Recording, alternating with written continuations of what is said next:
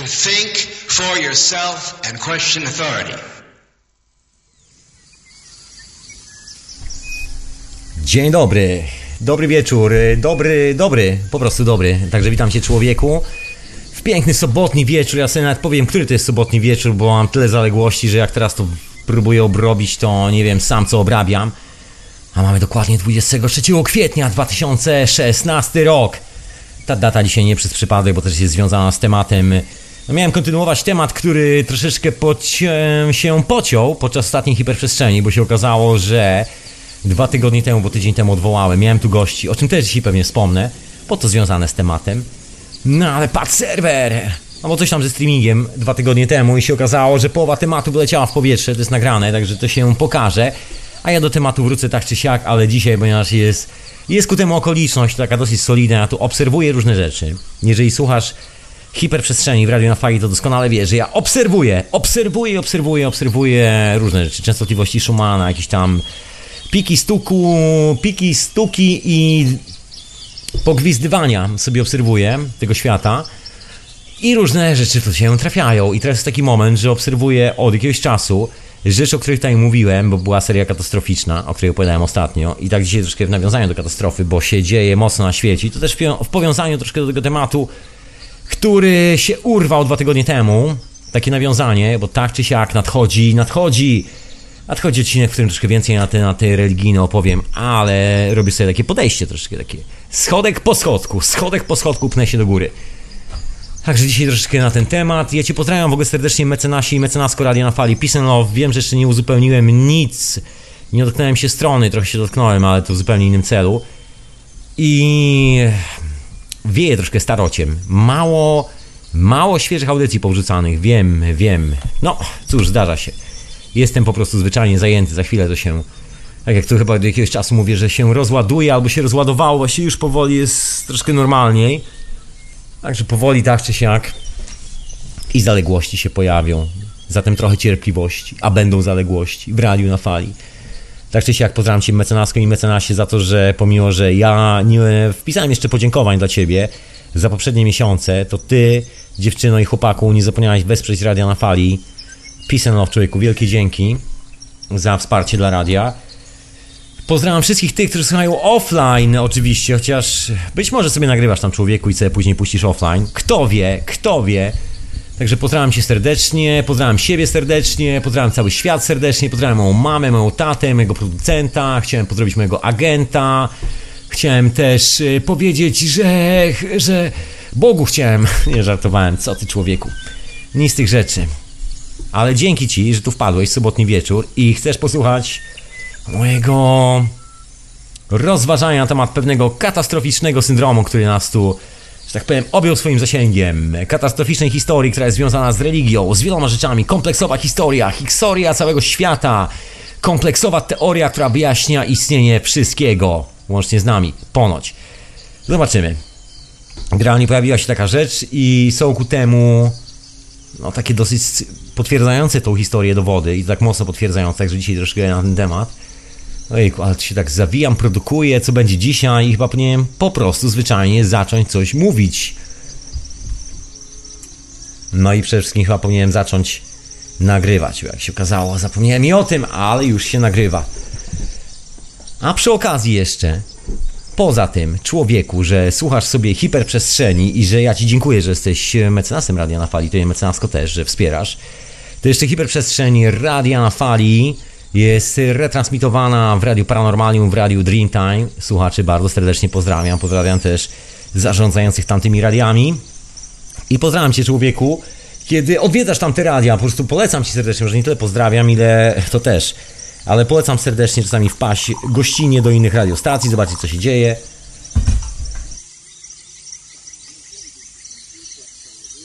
Przepraszam, ja tu mam herbatę i sobie tak popijam na boku. Bo gardło mnie drapie trochę.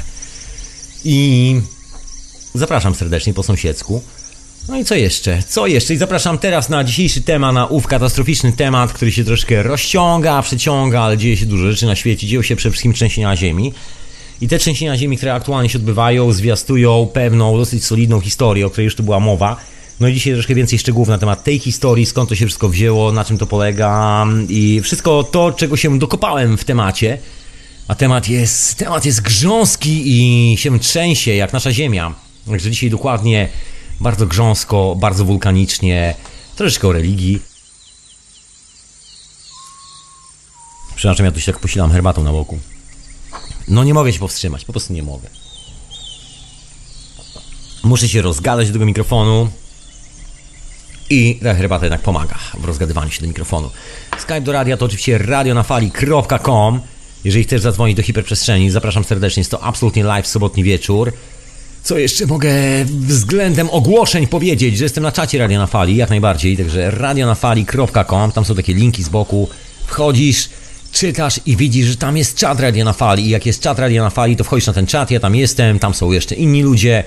Także zapraszam serdecznie, będę miał parę linków na dziś. Tak mi się coś wydaje. No nawet nie wydaje, tylko chyba jestem nawet pewien, że będę miał parę linków na dziś w związku z tym tematem. Także zapraszam na tego czata. Tam będą linki.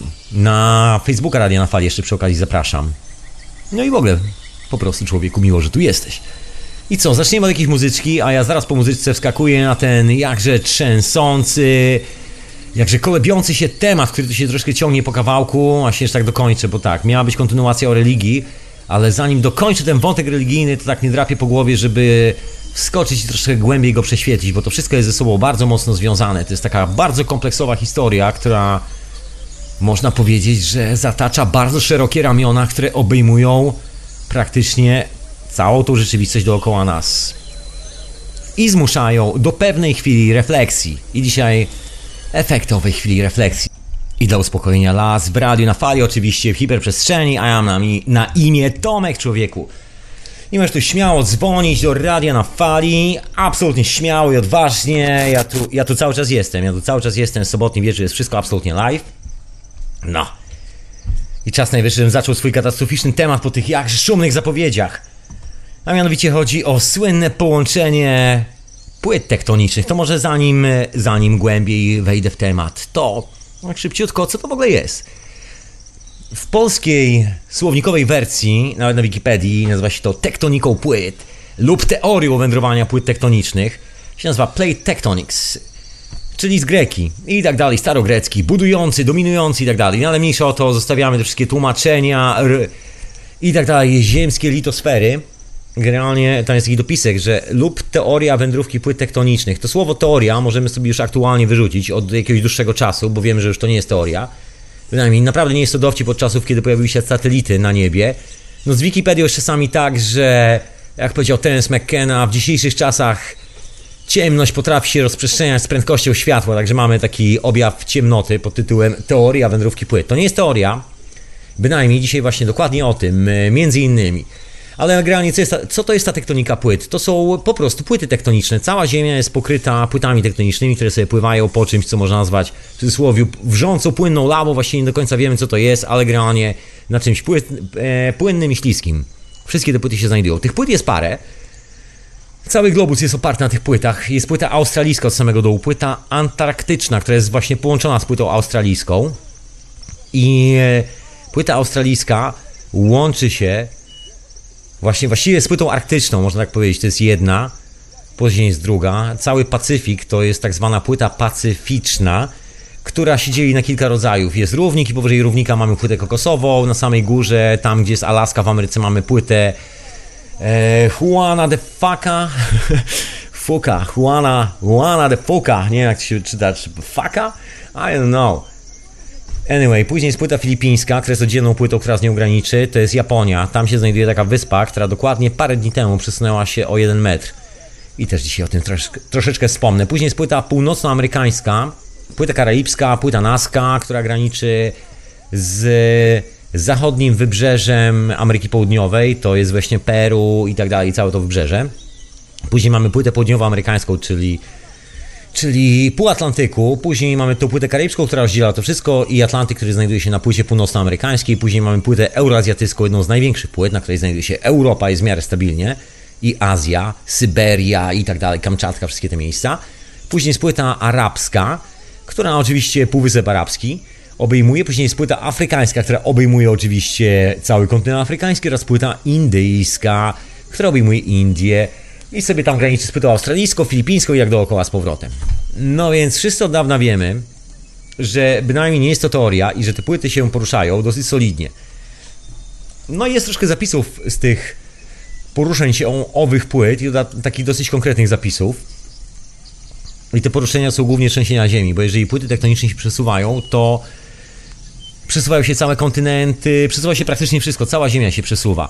I tu trzeba się cofnąć w czasie, bo ślady tego przesunięcia są bardzo mocno widoczne. Jeżeli ktoś tutaj z obecnych, czyli ty słuchaczko i ty słuchaczu, ma lekkiego chyzia na punkcie prehistorii, wszystkich tych zagadkowych rzeczy, no to właśnie, tu chyba znowu powinienem się powołać poniekąd, no nie tylko na niego, ale na wielu innych, ale zacznę może jak zwykle od Grahama Hancocka, bo to mam tu książkę, czytam i teraz właśnie wychodzą takie kwiatki, że, że doskonale się wszystko ze sobą klei, doskonale się składa te wszystkie historie. No jest sporo ludzi generalnie, którzy grzebią w tym temacie. Ja tu nie będę nawet za bardzo wymieniał powoli tych nazwisk, bo właściwie, I don't know, może nie starczyłoby mi zwyczajnie czasu, żeby wymienić tych wszystkich ludzi, bo to i Klaus Schmidt, już nieżyjący, taki gentleman, który zajmował się wykopaliskami w Gobekli Tepe i wielu innych ludzi, którzy tutaj się, że tak powiem, bujają po tym całym padole i robią research. Alan West, taki bardzo no, interesujący gentleman, który jest geologiem i to on e, zakwestionował oficjalny wiek Sfinksa, właśnie Alan West. I też Alan West oraz kilku innych ludzi zrobili badania w Ameryce. Okazało się, że jakieś 12 tysięcy lat temu cała Ziemia, bo nie tylko mowa jest o Ameryce, o kontynencie północnoamerykańskim, ale o całej Ziemi, uległa potężnej transformacji. Coś walnęło, niektórzy twierdzą właśnie, że coś walnęło, niektórzy mówią, że nie walnęło, niektórzy mają inne teorie. Są opowieści o Artanktydzie, Artanktydzie, Atlancie, przepraszam, opowieści o Atlantydach, są opowieści o Królestwie Mu na Pacyfiku. Są niesamowite historie i bynajmniej nie są to historie wysane z palca, ponieważ praktycznie większość tych historii ma potwierdzenie w pozycji, którą nazywamy słownikowo archeologią. Czyli jeżeli weźmiesz łopatę, pojedziesz w te miejsca i zaczniesz tam kopać, nagle się okazuje, że znajdujesz dziwne rzeczy, na które współczesna cywilizacja nie ma żadnej odpowiedzi, nie wie jaką techniką zostały wybudowane, nie wie co to jest, nie wie do czego służyły. Wszystkie te historie, których doskonale wiem, o których to non-stop gadam, także nie będę Cię zanudzał. W każdym razie, jak się okazuje, znakomita część, a właściwie ciężko powiedzieć znakomita część, bo właściwie 99% tych legend ma swoje odzwierciedlenie w tak zwanych sajtach archeologicznych, czyli stanowiskach archeologicznych, mówiąc po polsku, poprawnie, po ludzku. I się okazuje, że te 12 lat temu, tysięcy, nastąpiło jakieś mocne bujnięcie. Są ślady na Księżycu, które są naprawdę dziwne, o których czasami tu wspominam. To są te kratery na Księżycu, które wyglądają jak stuprocentowo kratery po eksplozjach termonuklearnych. Właściwie nie wiadomo jakich, czy nuklearnych, czy jakichkolwiek innych, ale są to po prostu leje po eksplozjach, ponieważ żadna planetoida, żadne uderzenie jakiegoś kosmicznego ciała, które by wpadło na Księżyc, nie wywołałoby takiego zjawiska, które wystąpiło na powierzchni Księżyca. Jest tylko jedno wytłumaczenie, które jako cywilizacja znamy. Jest to centralnie po prostu taki krater po bombie atomowej. Jeden, drugi, trzeci, czwarty. Wygląda troszeczkę tak, i jakby pewnego dnia ktoś się uparł, żeby zbombardować konkretnie Księżyc jakimiś ładunkami atomowymi. I tak to wygląda. I to jest jedna część historii. Historia, która mówi o jakimś potężnym globalnym konflikcie, i częścią tej historii jest opowieść o dwóch braciach. Z reguły ten cały dualistyczny koncept. Dwóch braci, którzy się pokłócili, jeden postanowił z drugiego i to tak mocno stół na kwaśne jabłko, że jak go klepnął, to się przesunęły oceany i się przesunęły kontynenty, niektóre się zapadły, niektóre wystąpiły z powrotem z nad powierzchni morza. Generalnie tak się chłopaki sklepały, że cała Ziemia się pozmieniała. I powstał ten świat, który my znamy z map. Ale wiemy, że był inny świat, i to jest fenomenalne, bo są mapy greckiego, co ja mówię, jakiego greckiego, tureckiego admirała Piriusa sprzed chyba jakichś 600 lat. Na mapach są różne ciekawe dopiski, bo są mapy robione w ówczesnych czasach, przed średniowieczem, 1300 któryś tam. Nie pamiętam dokładnie, jest data, może sobie zaraz znaleźć, chyba zaraz znajdę i wkleję człowieku, żebyś mógł na czacie sobie przeklikać. O co chodzi z Piriusem? Bardzo znany, szanowany rzeźnik ówczesnych, ówczesnych czasów, admirał całej tureckiej floty, a w, tym, w tamtych czasach turecka flota była potęgą i pilnowała potężnej części świata. Słowem, chłopak miał dostęp do informacji, to nie lichy. Można powiedzieć taki drugi Watykan, jeżeli porównywać biblioteki. No i stał się właścicielem mapy i nie byłoby nic dziwnego, gdyby nie to, że ta mapa wszystko się dzieje w 1300 roku jakoś tak, ma doskonały kontur Ameryki Południowej, ma kawałek Grenlandii, ma kawałek Ameryki Północnej. Jest to idealna mapa, wręcz jak odrysowana ze zdjęć satelitarnych kontynentu, o którego istnieniu ówcześni nie wiedzieli. Twierdzili, że Ziemia jest płaska, Europa i może gdzieś tam kawałek Azji, jedwabny szlak i to wszystko. Nazwali Nowe Indie Amerykę, bo myśleli, że dopłynęli do Indii z drugiej strony. W cudzysłowie. Ja podejrzewam, że doskonale wiedzieli, gdzie płyną, bo też nikt nie robił takich wypraw w ciemno i jest bardzo dużo śladów, że wielu ludzi doskonale o tym wiedziało. Były takie urządzenia nazywane sandstone, czyli kamień słońca. To jest spiryt, taki minerał, wygląda podobnie do kwarcu i ma bardzo ciekawe właściwości. Niezależnie od tego, czy jest słońce na niebie, czy są chmury, czy jest deszcz, piryt zawsze wskazuje właściwy kierunek, magnety- kierunek słońca. To jest fenomen. Niezależnie od tego, czy słońce świeci, czy są kompletne chmury, co się idealnie przydaje podczas pływania po morzach i oceanach, gdzie czasami nie ma pogody i nie wiadomo, gdzie nas znosi. W tym momencie zawsze znamy kierunek słońca, bo w dziwny sposób piryt, niezależnie od tego, ile tych lumenów słonecznych jest w naszej okolicy, złapuje te wszystkie promyki słoneczne, nawet jeżeli są niewidoczne dla naszego oka, przynajmniej w takiej zdrowej części. Nie wiem, gdzie jest słońce na niebie, bo jest tak chmurno. W razie piryt odczytuje, gdzie jest słońce i wyświetla to, mówiąc w takim wielkim skrócie. Rzuca taki specyficzny cień, to jest zjawisko polaryzacji, linie się muszą zejść. Ustawiasz sobie kamyk, na kamyku jest zadraśnięte, w którym miejscu jest słońce i tylko ustawiasz. I jeżeli linia, która jest narysowana na kartce pod kamykiem, zejdzie się z linią, która jest na kamyku, to znaczy, że jest to właściwy kierunek słońca i w tym momencie możesz się, że tak powiem, spozycjonować na środku oceanu, niezależnie od tego, jak kiepska jest pogoda i czy widzisz, widzisz w tym momencie słońce. I wiadomo, że wikingowie tam pływali. Są słynne wykopaliska archeologiczne na wschodnim wybrzeżu Stanów Zjednoczonych, tuż y, nad Nowym Jorkiem, albo nawet chyba wyżej, to jest hrabstwo Hampshire, czy jakoś tak. Jakoś tak, ja chyba musiałbym jakąś mapę Ameryki tu włączyć, żeby poprawnie wymówić nazwę tego stanu. Gdzieś tam, gdzie jest zimny, już przy granicy z Kanadą. I się okazało, że znaleziono całe celtyckie osady z biżuterią celtycką, ze wszystkim. Oczywiście, o ile to, co jest znajdowane w ziemi jest bezsprzecznie produkcji kultury celtyckiej, wiadomo, że przypłynęło z Europy, przypłynęło z Irlandii, przypłynęło z Anglii i w ogóle z Europy, to to tu jest taki problem z wiarą, bo współczesna nauka, pomimo że widzi problem z wiarą, żeby w to uwierzyć, i ciągle jest ten oficjalny kierunek forsowany, taki oficjalny pod tytułem, że Ameryka zaczęła się, kiedy odkrył ją Kolumb albo coś takiego. Szczęśliwie w Ameryce troszkę się już zmieniło i tam dużo ludzi doskonale o tym wie, że wcale Kolumb nie był pierwszy, wcześniej byli wikingowie, są ślady ich osad, nie ma z tym żadnego problemu. To troszeczkę tak jak z naszymi przodkami się mówi, żadnych nie mieliśmy, a śladów dookoła masa. W każdym razie. A to jeszcze mikrofon podpinałem sobie do Skype'a, także może zadzwonić. Skype do radia to radionafali.com. Jeszcze poszaleję tym mikrofonem, żeby go ustawić. W każdym razie, poza tymi śladami osad, które są czysto materialne, jest oficjalnie panująca teoria, która mówi, że e, nie za bardzo się wydarzyło. No ale wiadomo, że trzeba przyjąć do wiadomości. Bezsprzecznie jest to fakt. No i jakoś się trzeba z tym pogodzić, także na pomniku Kolumba w Nowym Jorku nie ma inskrypcji, że Kolumb odkrył Amerykę. Jest tylko, że dopłynął z Europy jako chyba pierwszy Hiszpan, coś w tym stylu, ale nie ma już o tym, że zdobył Amerykę jako pierwszy. To usunięto z pomnika. Pierwotnie było na pomniku, że odkrył Amerykę, ale jak się okazało, że właściwie nic nie odkrył poza Kubą, bo dopłynął tylko do Kuby, to, to w ogóle jeszcze się okazało, że nie on pierwszy, bo ci wikingowie to troszkę tak niepoprawnie politycznie, bo ktoś mógłby zanegować zdrowy rozsądek współczesnej nauki, także dla bezpieczeństwa zdjęto ten zbyt szczegółowy opis pomnika. Został tylko ten opis, że on dopłynął w sumie jako Europejczyk pierwszy chyba. Nie wiem, tam jest deskrypcja, gdzieś na, w internecie jest na pewno zdjęcie tego pomnika i można sobie przetłumaczyć. Ja tutaj dałem ciała i nie chciałem się tego robić.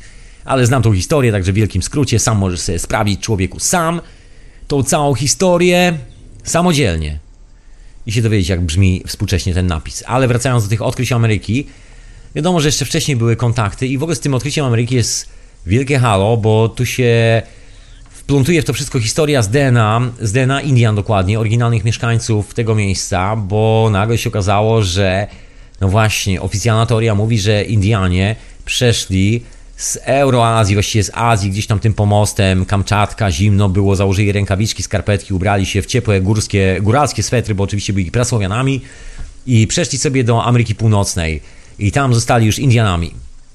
Ha, ciekawa teoria, no ale No ale tej teorii nie da się za bardzo pogodzić, bo ani okres migracji się nie zgadza, ani nie ma żadnych możliwości znalezienia czegokolwiek w Ziemi, co by potwierdzało tą historię, chociaż nieustannie się kopie i ciągle spróbu- próbuje się sprawdzić.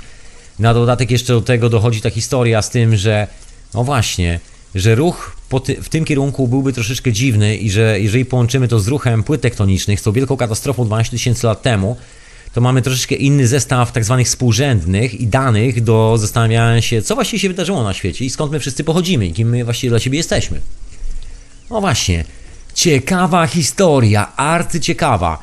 Więc wracając do naszych płyt tektonicznych, od których zacząłem, bo to jest dosyć istotne, jak się okazuje, te płyty mają dosyć duży wpływ na naszą cywilizację. Za chwilę wydarzy się pewne wydarzenie, ależ y, maślanie powiedziałem, wydarzy się pewne wydarzenie. No za chwilę coś się wydarzy i to coś to jest wielkie trzęsienie Ziemi. Zaczyna się okres aktywności naszej planety. Ten okres aktywności przypada na każde 12 tysięcy lat.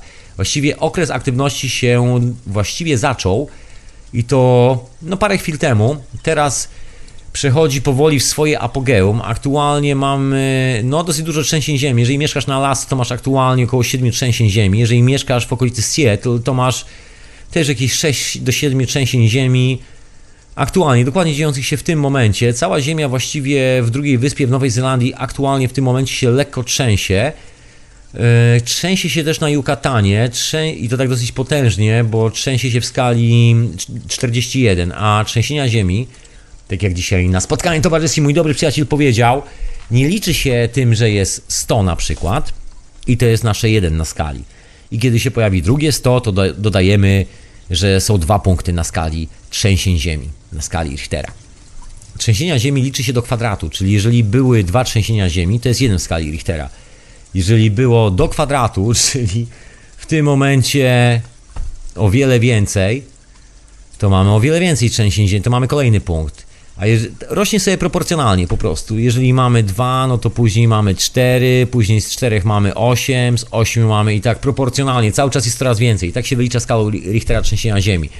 Czyli to, że na przykład jest różnica pomiędzy trzęsieniem Ziemi, które jest określane jako 2 punkty, a 4 punkty, no to jest taka potężna różnica, bo każdy skok to jest jakby kolejne potężne wahnięcie tego, co już było. Czyli trzeba sobie doliczać tak po prostu skokowo. No jest coś takiego związanego z tą pradawną cywilizacją, znaczy jest wiele pradawnych cywilizacji, wiele historii, ta z Atlantydą i tak dalej, ja tu się oprę troszkę o cywilizację Mu. Jest mowa o kulturze, która żyła na środku Pacyfiku. I są zabawne ślady, zabawne, oczywiście, że zabawne, wyglądają niesamowicie, te dziwne historie znajdowane w Indonezji i tak dalej. To naprawdę wszystkich zapraszam do Grahama Hancocka, Magicians of the Gods. Tak się nazywa książka, gdzie jest o tym wszystkim mocno opowiedziane i do hiperprzestrzeni, gdzie opowiadam czasami o tych wszystkich rzeczach. Są te potężne budowle, które właściwie niczym się nie różnią od budowli w Baalbek, Egipcie i gdziekolwiek indziej. Za wyjątkiem jednej rzeczy, żeby je zobaczyć, nie wystarczy wsiąść do autobusu jak w Egipcie i przejechać się na płaskowyż Giza w klimatyzowanym autobusie. Nie, trzeba założyć sprzęt do nurkowania i zanurkować o 100 metrów w dół. Ta sama historia jest z Japonią. Są potężne historie dookoła Japonii, nazwać to Yonaguni. I to są pozostałości potężnych budowli, taki kompleks, potężny kompleks, właściwie wyciosany z kamienia w taki sposób, że my do tej pory nie wiemy, jak wyciosać takie rzeczy z kamienia. I gratka, drobna gratka, znajduje się to jakieś 100 metrów pod poziomem morza. I teraz jest pytanie, kiedy to się tam znalazło. I wszystkie badania geograficzne, geologiczne, o których właśnie Anthony West między innymi wspominał, mówią o tym, że 12 tysięcy lat temu nastąpił ten zwrot. I teraz tak, mamy te dwie historie. Jedna, która stanowi zaczyn religii i ciągle, czasami, tak mi się wydaje, kilku frajerów próbuje nas złapać za nogi, za nasze poczucie winy, za cokolwiek i wmówić nam, o, ten dualistyczny koncept świata, dobro i zło, człowieku, ja reprezentuję dobro, a ty jeszcze zło. Zapłacisz mi na tacę, będę repre będziesz reprezentował dobro, pochlapię cię wodą, pójdziesz do nieba, bram. Coś w tym stylu. Jest to centralnie bullshit i taki mocny bullshit. Numer polega prawdopodobnie, bo oczywiście jest to moja spekulacja, także ja mogę opowiadać centralnie bullshity. Znaczy nie, nie do końca. Jeżeli mieszkasz gdzieś w Turcji i Iranie, to dokładnie to zdajesz sprawę, że coś troszkę nie tęgo, bo od czterech dni ziemia non-stop się trzęsie, od Grecji poprzez Turcję i są takie małe wstrząsy, których nie było w tym miejscu od, w tej skali oczywiście, bo tam wstrząsy zawsze jakieś są. Tylko, że w tej skali wstrząsy tam nie występowały od 12 tysięcy lat. Także jeżeli, droga słuchaczko i drogi słuchacze, byłeś kiedyś w Grecji, to ciesz się, bo ja mogę nie zdążyć i mogę już nie zobaczyć pięknej Grecji za chwilę. Się zastanawiam, kiedy to może łupnąć i tak jak bardzo wielu ludzi na świecie w tym momencie się też zastanawia. Wszyscy siedzimy i tak się e, przyglądamy troszeczkę na te monity radarowe, które pokazują aktualną aktywność sejsmiczną wszystkich skrup, które są tutaj zaangażowane w ten ruch tektoniczny, czyli tych płyt tektonicznych. Jest taki obszar dookoła Pacyfiku, on się w slangu geologów nazywa Ring of Fire, czyli ring ognia. A to dlatego, że dookoła płyty tektonicznej, na której dookoła której graniczy e, zachodnie wybrzeże Ameryki, czyli Kalifornia, Kanada, Alaska, Japonia, z drugiej strony Nowa Gwinea, Australia, Nowa Zelandia. Cały ten zestaw oceanu, czyli tak zwany Pacific Plate, czyli płyta Pacyfi Pacy Pacyfiku. Nie jak to się po polsku tłumaczy, muszę znaleźć jakieś polskie tłumaczenia, to zawsze z tym, że tak powiem, daje ciała. No ale mniejsza o to. To jest taka duża płyta i jeżeli się cokolwiek trzęsie dookoła tej płyty, to automatycznie wszelkie, wszelkie wulkany, które znajdują się w Ameryce Południowej, w Japonii, w Kalifornii, gdzieś w okolicy Australii, cały ten pierścionek zaczyna bulgotać i wulkany zaczynają strzelać. Potężne eksplozje, fale tsunami, wszystkie te sprawy dookoła. Doskonale sobie zdaję sprawę z katastroficznego rysu tej historii, której opowiada. Że nie będę snuł więcej katastroficznych nazw. No mniejsza o to. W każdym razie jest ślad tej potężnej cywilizacji, na obszarze Pacyfiku i wygląda na to jakby cały Pacyfik, dokładnie tak jak kawałek tej Japonii, zjechał w pewnym momencie pod ziemi, tak mocno 100 metrów. Są drogi, są budowle i to takie naprawdę imponujące, że właściwie wszyscy się drapią po głowie i zastanawiają what the hell? I nikt nie wie what the hell. No, możemy się powoli domyślać, myślę, że jesteśmy już na dobrym tropie z tym what the hell, z tą cywilizacją, ale to może później. W każdym razie wszystko wskazuje jednoznacznie na to, że 12 tysięcy lat temu Ziemia zatrzęsła się tak, że ściągnęło dwa niezłe kawałki lądu, które były wielkości prawdopodobnie Australii lub coś koło tego, na dno oceanu. Jeden znajdował się pośrodku Atlantyku, mniej więcej bliżej Europy, drugi znajdował się pośrodku mniej więcej Pacyfiku. Oczywiście ten pośrodku Atlantyku, bliżej Europy, to słynna Atlantyda, ten na Pacyfiku to słynna Lemuria, i tak dalej, i tak dalej. Wszystkie te historie myślę, że doskonale znamy, bo to są dosyć popularne opowieści w dzisiejszych czasach, także obawiam się, żebym cię potwornie tutaj wynudził, gdybym zaczął tutaj snuć te wszystkie rozważania i snuć te wszystkie nazwy. No ale co się dzieje? Historia się powtarza i to jest ta sprawa związana z zapiskami astronomicznymi wszelkich możliwych prastarych cywilizacji, które gdzieś tam dotrwały do naszych czasów. To, że później część z nas kompletnie zdziczała albo odrzuciła świadomie cywilizację, Indianie, którzy poszli do dżungli, świadomie odrzucili cywilizację, wzięli ze sobą tylko część technologii, akurat jak na ironię, tą najważniejszą i myślę, że tą, do której właśnie teraz wracamy, technologię związaną z operowaniem polem magnetycznym, bo tak się pracuje w dżungli, tak się funkcjonuje w dżungli, na tym to polega. Na tym polegają te wszystkie medyczne historie właśnie na polu grawitacyjno-magnetycznym, a dokładnie na polu magnetycznym. Natomiast u nas poszło to w pole grawitacyjne w zupełnie inne opowieści i efekt jest taki, że właściwie zapomnieliśmy całą wiedzę przodków, ale przodkowie na swoje szczęście i na nasze szczęście też postanowili wyryć to w kamieniu i to jeszcze takim, który się nigdy nie zużyje i nigdy nie pęknie, nawet jeżeli ktoś będzie próbował go usunąć, a prób było bardzo wiele, szczególnie przez wszystkich wyznawców wszelkich możliwych religii, którzy próbowali ciągle nam sprzedać taki system dualistyczny, że za całe zło na świecie odpowiadamy my prywatnie i że właśnie z tego powodu, że odpowiadamy za to całe zło na świecie, musimy teraz wykonywać jakieś dziwne, szaleńcze ruchy na kolanach i przynosić komuś pieniądze w zębach albo coś innego, równie cennego dla niego, cały czas i być jego niewolnikiem.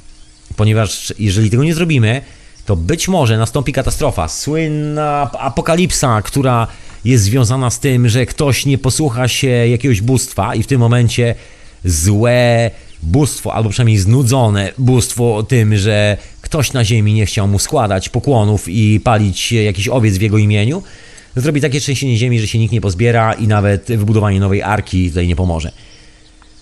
Ciekawy numer brania ludzi, że tak powiem, pod włos, pod kompleksy i pod strach, bo to jest taka propaganda. W rzeczywistości nie ma to nic wspólnego z bóstwami. Jest to historia związana z astronomią.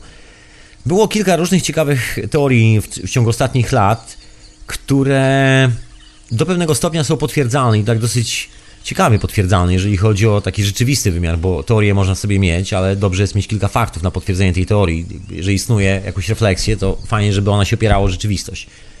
No i tą rzeczywistością okazały się dane z urządzeń pomiarowych, które wychwytują fale grawitacyjno elektryczno-magnetyczne w kosmosie za pomocą promieniowania. Właściwie to, co widzą te radary, które są ustawione na kosmos, widzą tylko jakby cień tej energii, która w rzeczywistości tam istnieje w postaci oddziaływań radiowych, dziwnych różnych szumów, chrzęstów i e, sobie rejestrują te wszystkie sygnały, następnie te sygnały są tłumaczone na animacje komputerowe dosłownie i oglądamy to jako takie piękne zdjęcia z Hubble'a, które pokazują nam takie piękne, piękne galaktyki. W rzeczywistości to zdjęcie jest składane My słyszymy, że z jednego teleskopu Hubble i wydaje nam się, że ktoś przykręcił aparat fotograficzny, zrobił zdjęcie i tak wygląda ta galaktyka. Otóż nie do końca. Jest to zmiksowana kolekcja chyba 20 zdjęć robionych w różnych pasmach podczerwieni, ultrafioletu, różnych spektrach. Radiowo, nieradiowo, na różne możliwe sposoby, wysyłaniem laserów, cokolwiek się da zrobić, jest robione zdjęcie i później te wszystkie zdjęcia są zestawiane, nakładane na siebie i na podstawie tego zdjęcia jest robione coś w rodzaju animacji komputerowej, takiej wizualizacji 3D tego, jak mniej więcej potencjalnie może to naszym okiem wyglądać. To są te słynne zdjęcia z Hubble'a. Wszyscy się tak jaramy, że wow, jaki ten kosmos piękny. No na pewno zdjęcia z Hubble'a wyglądają pięknie, a czy kosmos jest piękny, tego nie wiemy. To jest wszystko zapis czegoś, czego nasze oko nigdy nie zobaczy i nie doświadczy, ponieważ to nasze oko nie jest radarem skonstruowanym za pomocą, nie wiem, urządzeń, które emitują fale elektromagnetyczne albo coś w tym stylu, albo podczerwień. Nie do końca, to nie nasz organizm i nasza percepcja. No, na zdjęciach wygląda ładnie. No i wracając do tych zdjęć kosmosu i do różnych czujników, które tam zostały pomieszczane, okazało się, że jest coś takiego jak fala fotonowa. Jest ładunek energii, który krąży po kosmosie. Widać ten ładunek energii. Ciężko go określić, w sensie nie widać go jako kulki, czegoś świetlistego, tylko można zaobserwować, że jest coś w rodzaju fali, która się rozchodzi na przykład w galaktyce, albo w naszej, albo w sąsiedniej galaktyce Widać to po działaniu planet, że jest no, takie zachowanie jak na jeziorze. Troszeczkę jakbyśmy mieli boję i każda boja jest od siebie oddzielona o przypuśćmy, nie wiem, 10 metrów, taki dystans. I wzbudzamy teraz falę i pierwsza boja podnosi się do góry i zanim fala, która podniosła pierwszą boję do góry, dopłynie do kolejnej drugiej boi ją podniesie, no to mamy ten czas amplitudy i zanim dojdzie do trzeciej, ostatniej boi, mamy kolejny czas amplitudy. I tak sobie możemy wyliczać kosmiczne cykle, kiedy jedno wpada na drugie, kiedy że tak powiem, fala na jeziorze wpada na bojkę. Tylko w naszym przypadku jest to historia bardzo mocno kosmiczna. Mówimy o fali potężnie naenergetyzowanej plazmy. Rosyjscy fizycy, którzy jak się okazało są o wiele bystrzejsi od amerykańskich fizyków, postulowali to już w latach 50. Był taki gentleman w Rosji, zapomniałem jego nazwiska w tym momencie, jeden z takich wizjonerów y, wypuszczających rakiety w kosmos i nie tylko. Ja podejrzewam, że oni widzieli troszkę technologii Tesli, zresztą nie podejrzewam, tylko Jestem raczej przekonany o tym, że wiedzieli, ponieważ część wynalazków dotarła do Moskwy. Nikola Tesla sam o to zadbał, ponieważ miał taki pomysł, że jeżeli zostawi to wszystko przy sobie i zostawi to tylko jednemu mocarstwu na świecie, to bardzo szybko wszyscy wylądujemy w takiej globalnej wersji obozu koncentracyjnego bez żadnej litości. No niewiele się mylił, bo za pomocą kredytów i innych bankowych sztuczek współczesnej religii zwanej ekonomią wylądowaliśmy w w takiej jednej bardzo dużej sztuce magicznej właśnie o nazwie rynek, tak? Tak to się nazywa. Ekonomia, rynek, cywilizacja, tak się nazywa ta sztuczka magiczna. No i stwierdził, że będzie, będzie jest, że jest duże prawdopodobieństwo katastrofy, no więc najlepiej będzie, jeżeli ten wynalazek, te wszystkie papiery, jak to zrobić, wyślę do wszelkich możliwych mocarstw na świecie, do tych największych, żeby równowaga była zachowana. I tak też zrobił, także wiadomo, że papiery dostali Rosjanie, zresztą nie tylko od niego, bo Rosjanie buchnęli troszkę papierów z Niemiec, kiedy wjechali do Niemiec w 1945 roku. I tam było troszeczkę na temat Tesli, tym bardziej, że Niemcy naprawdę nie zajmowali się duperelami pod tytułem teorie szalonego Einsteina po to, żeby fajnie wyglądać w gazecie, tylko zajmowali się tą nauką, która pozwoli im zdobyć dominację nad światem, a wiadomo, że dominacja nad światem nie opiera się na teoriach, tylko opiera się na działających urządzeniach. Także tam już nie było żadnej litości na temat bzdurnych teorii i klepania się po plecach w ramach przyznawania sobie tytułów naukowych, tylko chodziło tylko i wyłącznie o urządzenia, które działają i działają bardzo wydajnie. Rosjanie wchodząc na ten obszar, który był okupowany przez Niemców, do Rize, do wielu innych miejsc, automatycznie załadowali tam skrzynki, wieźli do siebie. Jest takie miejsce pod, no, pod Moską, taki instytut, w którym się testuje wszystkie te dziwne rzeczy. Zapomniałem oczywiście, jak się nazywa. Jest to ciekawy instytut. Widziałem kilka zdjęć z urządzeń, które tam zostały zbudowane, bo to nie jest aż tak tajne. Było tajne, ale już aż tak nie jest. I jest tam bardzo ciekawa rzecz, taka jak na przykład wzmacniacz Tesli, oryginalny i to zbudowany w takiej skali że jedno ramię cewki, to są takie cztery cewki, wygląda jak położony krzyż, tylko że ramię tego krzyża ma 5 metrów. Jedna cewka w drugiej, troszeczkę podobnie do technologii Fundacji Kesze, troszeczkę taki magraf, tylko że w postaci krzyża, a nie kółka. Takie cewki.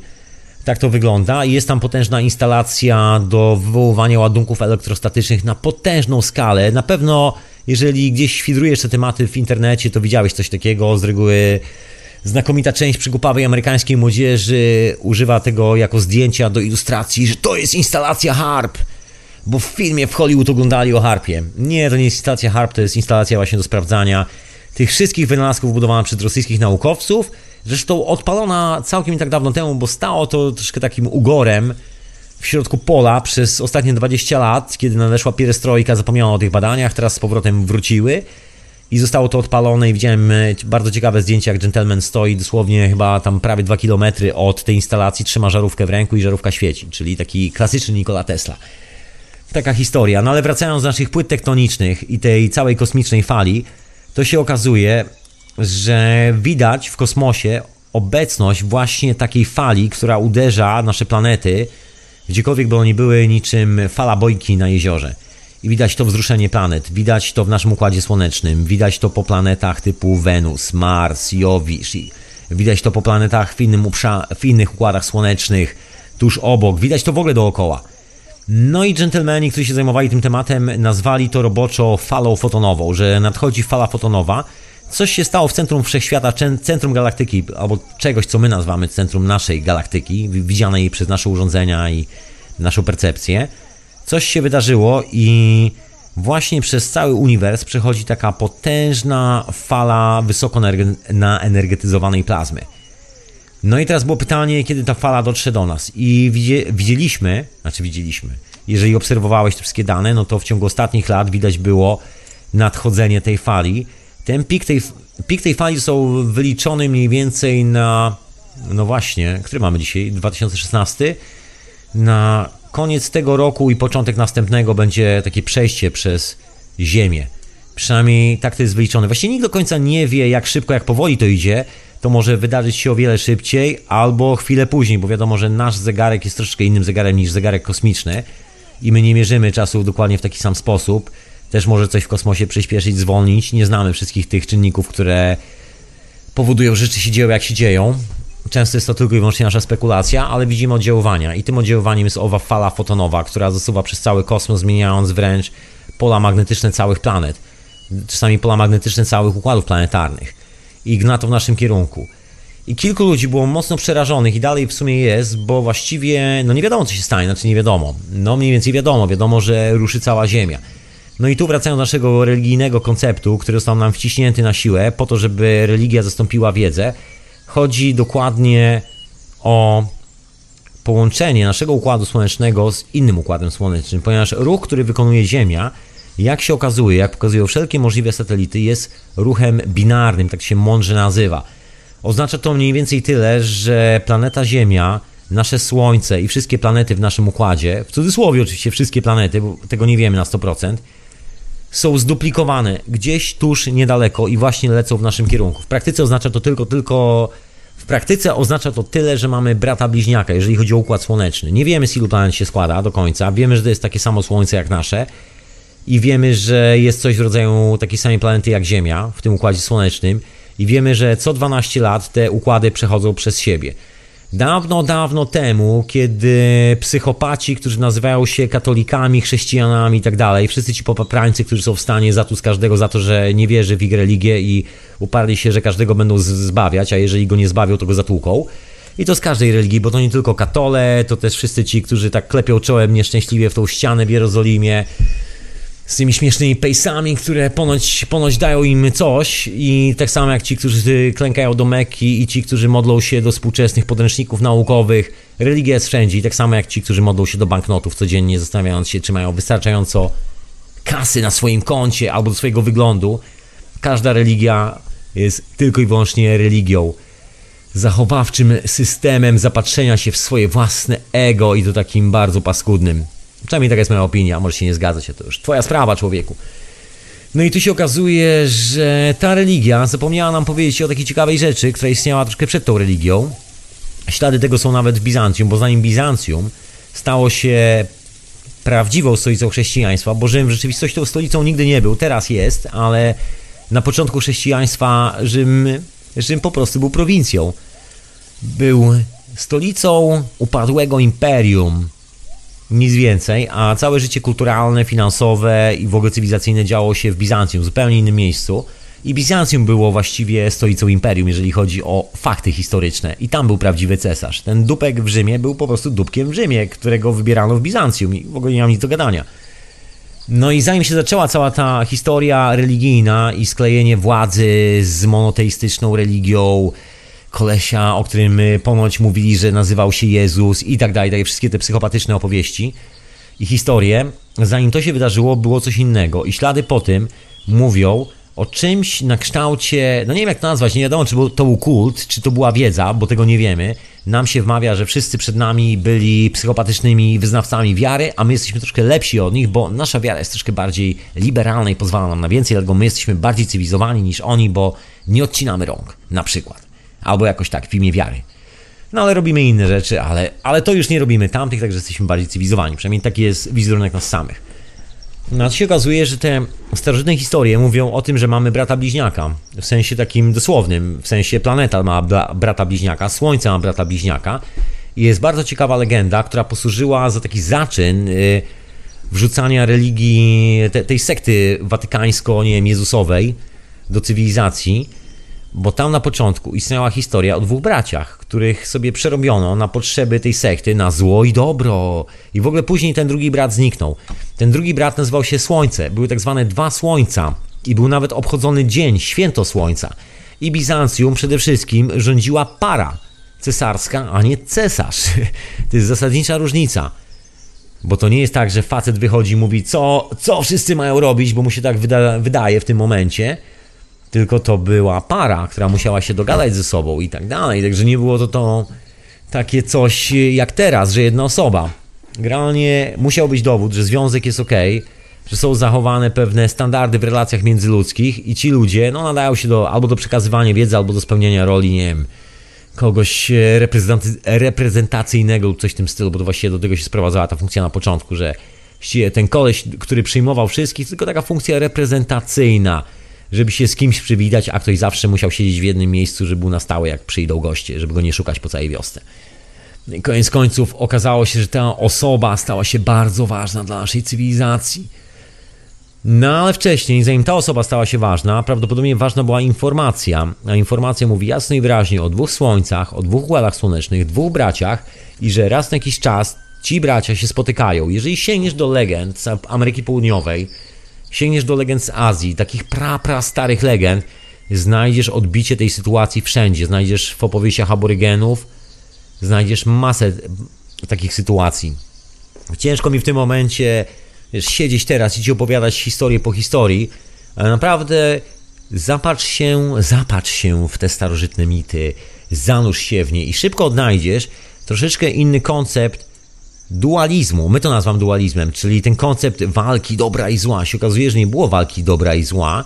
To jest jakaś taka historia, o której się nam opowiada. Właściwie mogła później wystąpić, mogły być jakieś konflikty na Ziemi, mogły być. Mamy te ślady atomowe na Księżycu albo po innych pociskach, ale w każdym razie po pociskach. Także coś się na pewno działo. Natomiast jeżeli chodzi o taki no, rdzeń cywilizacyjny, to nie ma to absolutnie z tym nic wspólnego. Bo co mówi ta współczesna nauka, ta fala fotonowa i wszystkie te historie związane z kosmosem, a nie z religią? Te historie mówią jasno i wyraźnie, że kiedy w okolicy Ziemi znajduje się owo bliźniacze ciało, nagle wszystko na Ziemi się przestawia. To jest moment, kiedy Ziemia odżywa. To jest moment, kiedy te dwa ciała wymieniają się swoją własną energią, doładowują się nawzajem i to jest to coś, co w indyjskich legendach hinduskich nazywa się Saga Yuga, złoty wiek. To jest moment, kiedy łapiemy kontakt z tą drugą ziemią. Oczywiście wejście w ten kontakt jest zawsze takie samo. Oznacza coś w rodzaju globalnej katastrofy, bo w tym momencie oddziaływania grawitacyjne i magnetyczne, które wynikają z połączenia poprzez strumień plazmy z innym układem, który tutaj lata dookoła, jeszcze być może nie jest widoczny dla nas, albo jeszcze ktoś nam o tym nie powiedział, wywołuje ruchy na naszej planecie. To jest jak dwa magnesy, które są w odległości wystarczająco dużej, żeby się widziały nawzajem od siebie. Oddziałują na siebie. Im bliżej te magnesy są siebie, tym to oddziaływanie jest mocniejsze. I dokładnie tak samo wygląda z tym układem paralo. To jest właśnie ten układ binarny i tak jest oddziaływanie. I to nie jest jedyne oddziaływanie. Głównym efektem tego układu binarnego jest przyspieszanie i zwalnianie czasu, przynajmniej percepcji czasu. Ponieważ jest moment, kiedy układ zwalnia i jest moment, kiedy układ przyspiesza. To jest troszeczkę jakbyś sobie narysowała jajko, albo coś na kształt jajka, taką elipsę oraz drugą elipsę, która przechodzi przez nią. Czyli tak jak dwa... Wygląda jak łańcuch zwyczajnie, jak dwa ogniwa łańcucha, jedno przechodzi przez drugie. W momencie, gdzie te ogniwa łańcucha się stykają, są najbliżej siebie, w tym momencie ich grawitacje, ich oddziaływania są największe. W tym momencie następuje wymiana energetyczna pomiędzy tymi układami. Czy to Ci się podoba, czy nie, cały kosmos jest oparty na tej wymianie energetycznej. Panowie z NASA udają, że tego nie ma, ale sami, żeby było zabawniej, robią bardzo mocny research i wydają gigantyczną kwotę pieniędzy na to, żeby badać właśnie tą falę fotonową, ponieważ jest obawa, że jak to dmuchnie i przeleci mocno przez Ziemię, to praktycznie zakłóci pracę wszelkich możliwych systemów satelitarnych. Właśnie przez to, że narozrabia w jonosferze. Taki jest koncept przynajmniej oficjalny, taki, który się, no oficjalny, nieoficjalny, bo to się głośno na ten temat nie mówi. Od tego mamy gazety, nie wiem, z działem moda, modne ubrania, wydarzenia sportowe, polityka. O tym ma się mówić, ale nie mówi się o takich istotnych rzeczach. No bo wszystko wskazuje na to, że te oddziaływania to nic innego jak przesunięcia owych płyt tektonicznych, moja droga słuchaczko i mój drogi słuchaczu, czyli jeżeli ów piekielny pierścień, czyli zestaw wulkanów, ta cała płyta tektoniczna, w której się znajduje Pacyfik praktycznie, ta pod Pacyfikiem, zaczyna się ruszać, to oznacza niechybnie jedno i to samo. Oznacza, że w tym momencie do Ziemi zbliża się bliźniaczy układ planetarny, który oddziałuje dokładnie tak samo jak nas. Który oddziałuje właściwie, no, jakby to powiedzieć, który oddziałuje niczym magnes na Ziemię na, który oddziałuje niczym magnes na Ziemię i w tym momencie wywołuje poruszenie wszelkich płyt tektonicznych. Ja sobie tutaj cały czas obserwuję, ponieważ się tak nieszczęśliwie zacinam, co się dzieje aktualnie na świecie. I właśnie w tym momencie trwa dosyć spore trzęsienie ziemi w Peru, dokładnie w skali 4,4. Całkiem spore. W Szwajcarii się trzęsie, jeżeli nie wierzysz, w tym momencie. I we Francji się trzęsie ziemia. I to dosyć niebezpieczne, bo tam jest troszeczkę reaktorów jądrowych i o ile jeszcze trzęsienie się Ziemi nie jest aż tak niebezpieczne, to trzęsienie się reaktorów jądrowych jest dosyć słabo bezpieczne. Aktualnie w tym momencie Ziemi, w tym momencie jest dosyć spore trzęsienie Ziemi w Japonii i właściwie to, co obserwujemy teraz na wszystkich urządzeniach, to dokładnie moment, kiedy te wszystkie płyty tektoniczne właśnie ruszają po to, żeby z powrotem przywrócić ten sam kształt na mapie, który prawdopodobnie zanurzył się w oceanach 12 tysięcy lat temu. Co nam grozi? W sensie takich niemiłych rzeczy. W sensie niemiłych rzeczy grozi nam to, że, znaczy nie grozi, to się wydarzy, bo to nie jest kwestia dyskusji, tylko kwestia tego, co wiemy na temat geologii, tego, co wiemy na temat ruchów płyt tektonicznych i tego, co obserwujemy od praktycznie 300 lat. To może ja zacznę może nie od największej katastrofy, od tego, co będzie najbardziej dramatyczne, tylko od swojego grajdołka, czyli od Anglii. Tu nie wiadomo, co się stanie do końca. Wszystko zależy od ruchu tektonicznego płyty na Atlantyku i właściwie tego, jak się odsunie Afryka, bo Afryka się absolutnie rozłączy z Europą. Już nie będzie takiego przejścia jak w Gibraltarze, nie będzie tego przejścia jak kanał Suezki, to wszystko znika. Cała Afryka będzie osobnym kontynentem, tak samo jak Australia w tym momencie. I ruch tych płyt tektonicznych powoduje, że Anglia zaczyna, jako wyspa, zaczyna się podnosić. Anglia jest długa. Jedna część wyspy wystaje, a druga się opuszcza w dół, albo w drugą stronę. Ostatnim razem było tak, że kiedy lodowiec w wyniku zmiany klimatu, bo jak się zmieniło oczywiście kontynenty, no to zmienił się klimat na świecie. No i nagle dmuchnęło zimnym powietrzem, a Grenlandia nie jest wcale daleko przez Islandię przechodzą dokładnie te dwie płyty tektoniczne, także będzie widać od razu na, na Islandii, co się dzieje. No i w tym momencie ten cały zimny wiatr nadchodzi nad Anglię. I tak się wydarzyło jakieś 12 tysięcy lat temu.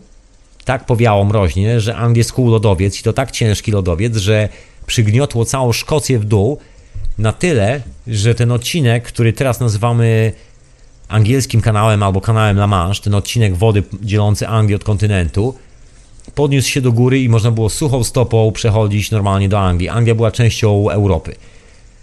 Ponieważ lodowiec tak mocno nacisnął, że po prostu podniósł ziemię do góry. No, i teraz, jeżeli wydarzy się jakaś historia i wróci lodowiec, no to wydarzy się podobna sprawa. Czyli z powrotem będzie można suchą nogą przejść do Anglii, tylko że już nie będzie sensu przechodzenia do Anglii, bo Anglia będzie tak samo jak Irlandia skuta potężnym lodowcem. No chyba, że ktoś lubi spacerować po lodowcu. To jest jeden scenariusz. Drugi scenariusz zależy od tego dokładnie tego samego, czyli jak się przesunie Afryka od tego, jak duża część Hiszpanii się zapadnie, bo i Portugalii, bo to jest jakby klucz całej historii. Odbieram tu telefon. Halo, halo, The Bill. No, czy mnie słychać? Słuchaj, słuchaj pana, rachunek, jaki nick. Człowiek o nickname rachunek, The Bill. Show me the bill, man. Jak zdrówka szanownemu panu? A powiem ci, że całkiem dobrze. Doskonale. Wiesz co, ja chciałem się zapytać o tą teorię bliźniaczego układu Mhm. mm, słonecznego. E, Mógłbyś dać jakieś źródło, bo jestem naprawdę tego ciekaw.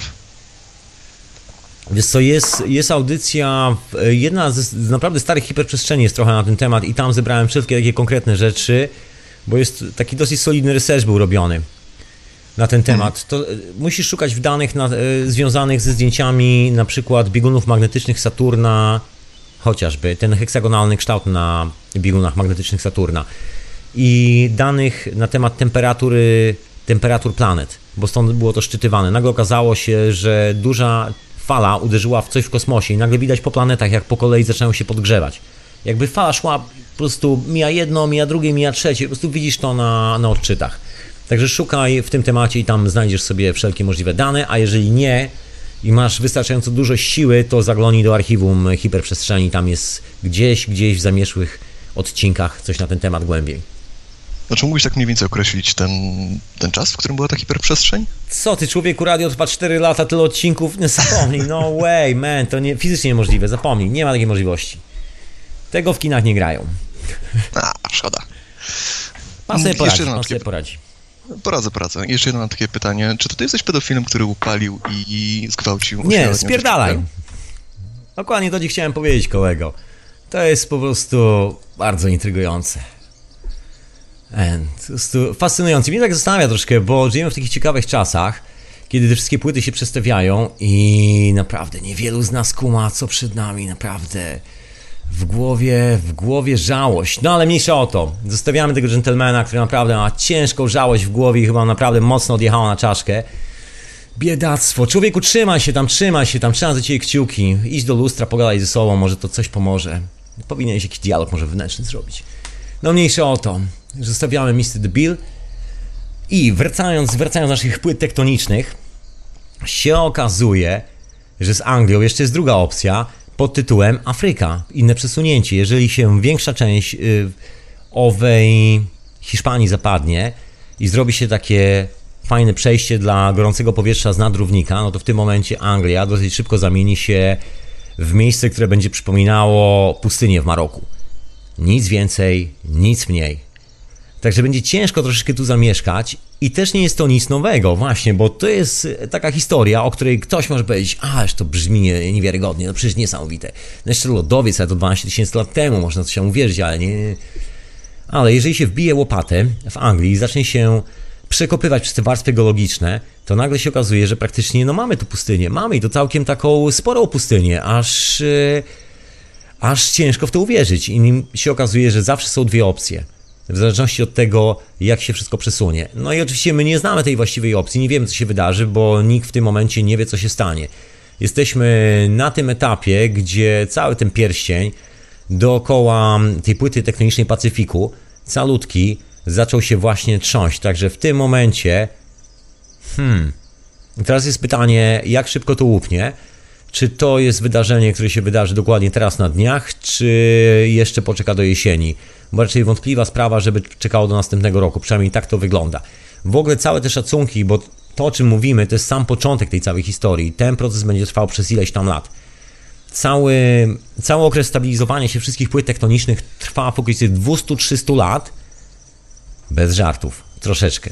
Natomiast ten najbardziej gorący okres, który nas czeka, to jest okres 20-30 lat, kiedy będzie się mocno działo, kiedy się wszystko mocno poprzestawia, a później będzie ten okres, już będzie sobie opadało, się stabilizowało i będzie już spokojnie. Natomiast do tego momentu wszystko, że tak powiem, będzie fruwało. No i normalne będzie to, że właśnie po Anglii to, po Anglii to już powiedziałem, z czego możemy się spodziewać. Po Europie, Europa jest w miarę bezpiecznym miejscem, a już szczególnie Polska.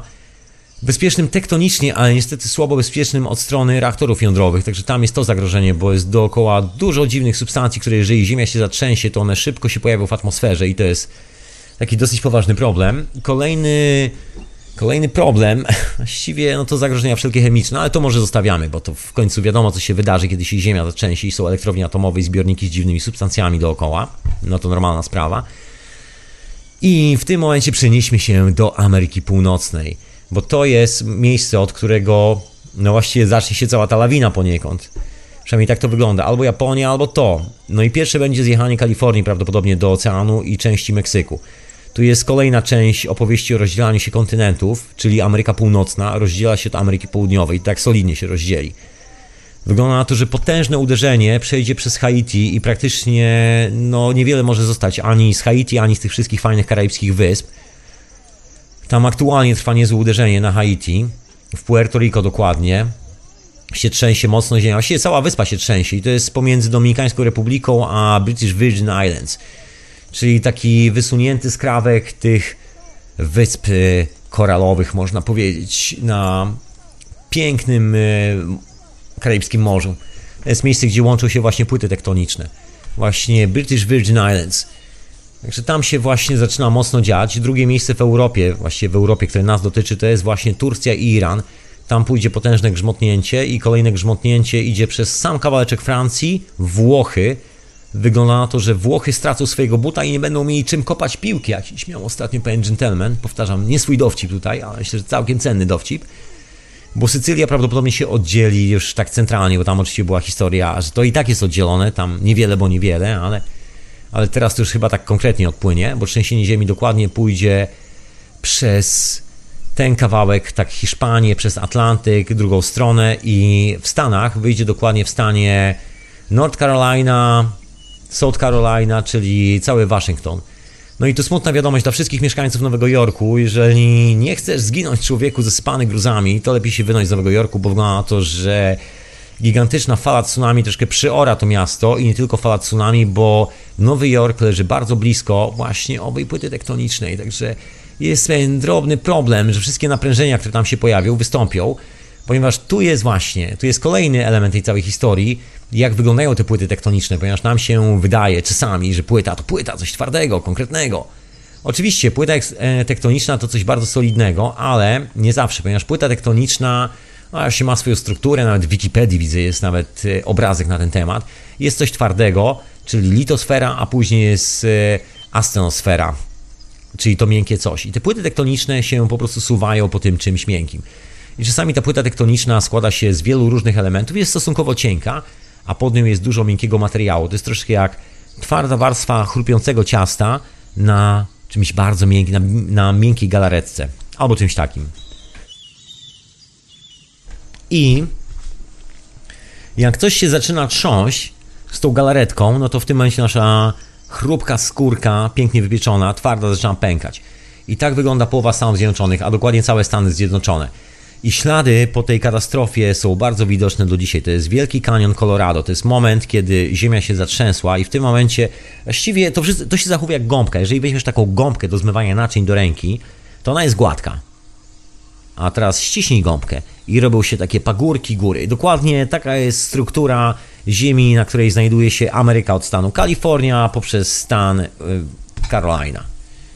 Także jeżeli walnie, to w tym momencie cały efekt naprężeń będzie próbował się wyrównać dokładnie w tym miejscu, także będzie stosunkowo ciężko dla tych, którzy tam mieszkają. Jest taka rada i wielu to zaleca, żeby wyprowadzić się na jakiś czas, jeżeli jest taka możliwość, do Kanady. Tam jest bezpieczne miejsce. Kolumbia Brytyjska na przykład, bardzo bezpieczne miejsce, potężna, gruba, granitowa płyta tektoniczna, nic tam nie ruszy. Natomiast cały środek Stanów Zjednoczonych zostanie przeorany i wygląda na to, jakby miała przejść tamtędy potężna fala. Może być tak, że to wszystko zostanie zalane i stanie pod wodą. Zresztą było pod wodą ostatnim razem. 12 tysięcy lat temu niecałe się troszeczkę wynurzyło, właśnie nie wiadomo jak dawno, bo też nie do końca jesteśmy tak pewni wszystkiego na 100%. Australia przesunie się bliżej Japonii, Australia przesuwa się cały czas w górę razem z Nową Zelandią, Afryka przesuwa się w kierunku Indii, jednocześnie oddzielając od Europy, a Europa, Europa przesuwa się razem ze wszystkim w kierunku Azji. Takie jest cofnięcie, jakby wszystko się tak przesuwało. Środek Pacyfiku jest tym głównym miejscem. I to na mapie wygląda troszkę tak, jakby wszystkie strzałki zbiegały się z całego globusu dokładnie w to miejsce, na środek Pacyfiku.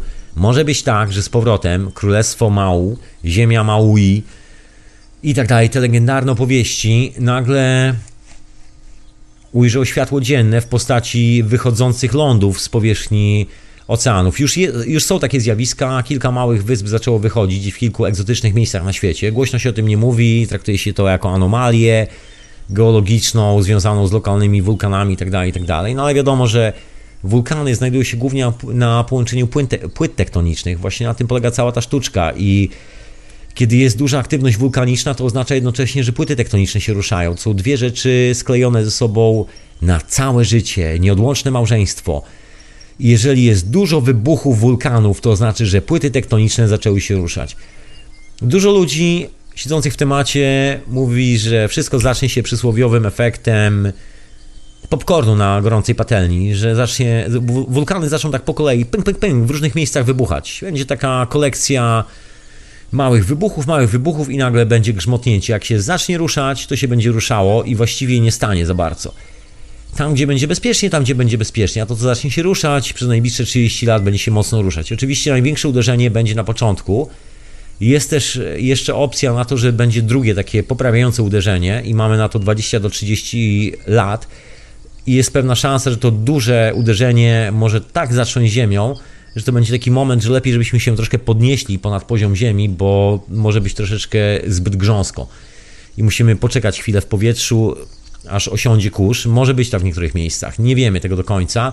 To, co zostało po pradawnych cywilizacjach, jest no, takie dosyć spektakularne. Widzimy potężną cywilizację, a naprawdę taką potężną. Przecież te granitowe głazy, o których tu mowa, to nie jest w kij dmuchał. Porozrzucane jak zabawki. Jakby ktoś wziął i dmuchnął w to wszystko. Część opowieści mówiąca o wojnach bogów, że bogowie są walczyli na tajemnicze broni i tak dalej. Tak, tak, fajna opowieść i na pewno część tej historii jest absolutnie prawdą i takie rzeczy się działy na świecie. Natomiast druga, rzeczywista część tej historii to jest to, co rzeczywiście prawdopodobnie przeorało cały kontynent. Nic dziwnego, że na Yucatanie są takie spustoszenia w tych starożytnych budynkach. Jeżeli przez Yucatan, przypuśćmy 24 tysiące lat temu, bo cykl jest co 12 tysięcy lat, czyli mamy raz przerwę, później znowu, później znowu przerwę i znowu przerwę. Mijamy się z naszymi braćmi w kosmosie. I jeżeli to zostało wybudowane, tak jak się okazuje, według szacunków astronomicznych o wiele dawniej niż mówią archeolodzy, bo jeżeli sprawdzimy na ten zegar planetarny, to właściwie wygląda na to, że budynki musiały zostać wybudowane przez kogoś, kto ma świadomość występowania tych cykli co najmniej 3, 4, 5 razy. To nie jest generacja, która zapamiętała jedno uderzenie cyklu. To jest generacja, która miała informację o tym, że jest to coś, co jest regularnie. I to taką konkretną astronomiczną informację, bo ona została zapisana w tych budynkach. I to tak konkretnie. I te budynki są oczywiście zniszczone doszczętnie.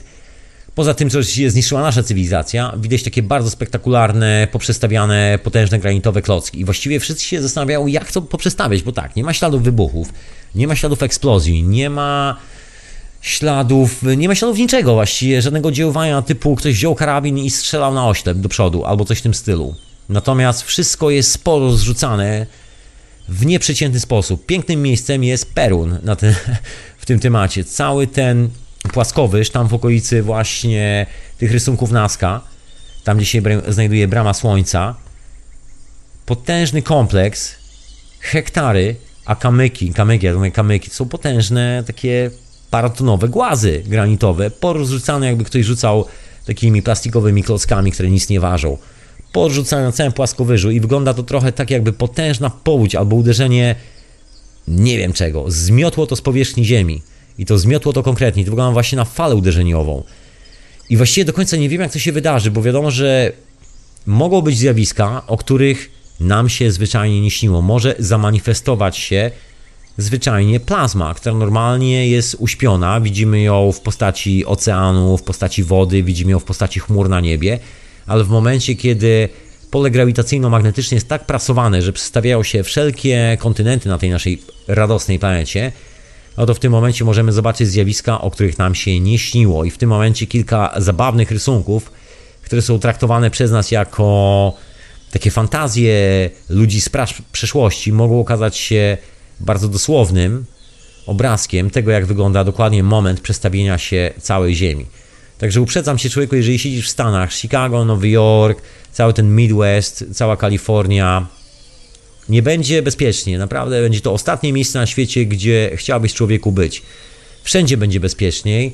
Nawet we Francji, nawet w Niemczech, bo w Niemczech troszeczkę się potrzęsie jeszcze, bo to też jest takie miejsce, gdzie część energii się będzie rozładowywała i jest troszeczkę duża obawa, bo w Niemczech są reaktory jądrowe. I to, co mówię, to nie jest mój pomysł, to nie jest coś, co ja sobie wymyśliłem. Nie wierzysz? Sprawdź, co się aktualnie dzieje z reaktorami jądrowymi w Niemczech.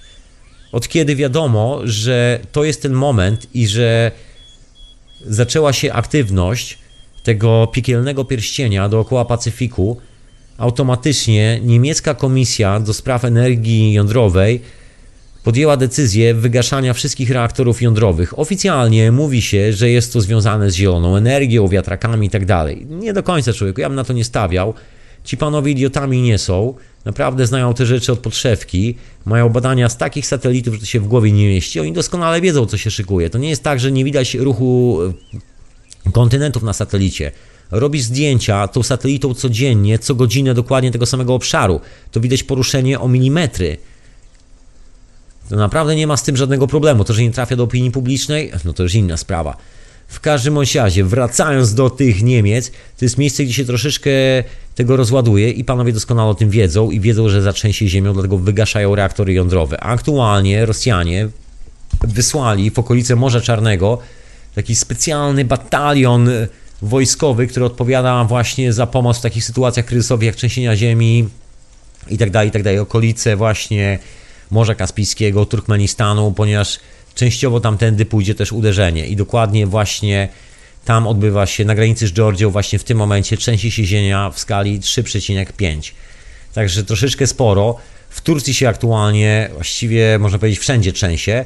Małe niby drobne uderzenia, bo takie po 2,3 w skali. No jest też e, trzęsienie ziemi na granicy z Syrią, dokładnie 4 w skali Richtera. Na Cyprze się aktualnie właśnie zaczęła trząść ziemia, w Grecji się trzęsie.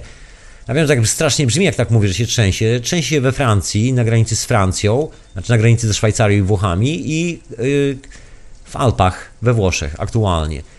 To jest to, co mamy w Europie. Szczęśliwie reszta Europy jest cała i nic się nie trzęsie. No właśnie. I to są te zjawiska, które się określa mianem, tak opisowo, popcornu strzelającego na patelni. Jeżeli zaczną teraz wybuchać wulkany, tak po kolei, małe wulkany, nie muszą być duże, no to znaczy, że w tym momencie ruszyła reakcja łańcuchowa. Zobaczymy to, będziemy wiedzieli o tym na co najmniej 24 godziny przed. To będzie taki moment, że zrobi się troszkę cicho. Będzie widać po zwierzętach, będzie widać po świecie dookoła. Troszeczkę jak zaćmienie słońca, taki podobny efekt, że robi się tak trochę cicho. Zwierzęta raczej wtedy szukają schronienia i zastanawiają się, co ze sobą zrobić, a my udajemy, że nic nie widzimy. Taka historia.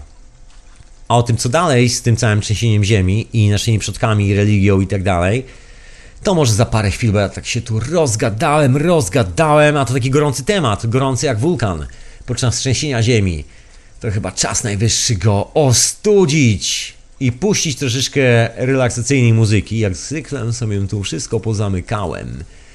No ale nie jest źle, mam tu pod ręką wszystkie sety się taki troszkę rozbiegany jestem, miałem tu gości i też właśnie rozmawialiśmy troszeczkę na ten temat, bo no sprawy się dzieją i to tak na taką dużą skalę. Wszyscy, no nie, może nie wszyscy, bo tak przyznam, mówię, wszyscy to monitorują, nie wszyscy to monitorują, ale dużo moich znajomych jakby siedzi w temacie i jest obeznanych w temacie i się zastanawiamy i przyglądamy. I dokładnie w tym momencie zatrzęsła się ziemia w Japonii i to tak sporo, dokładnie w tym miejscu, w którym się trzęsie już od tygodnia tam gdzie się przesuwa wyspa, to jest południe Japonii, 4,6 w skali Richtera. Shit. To się dzieje. Pozdrawiam wszystkich w Japonii, mam nadzieję, człowieku, że jesteś bezpieczny i że nic się nie dzieje. Radio na Falcom, hiperprzestrzeń. Retransmitowało się w Radiu Paranormalium i w Radiu Dreamtime oczywiście też. Ja na imię Tomek, możesz śmiało dzwonić do Radia na Fali, bo jest absolutnie live. Także zapraszam serdecznie, jeżeli masz jakieś przerażające opowieści. Nie, bez przesady. Właśnie.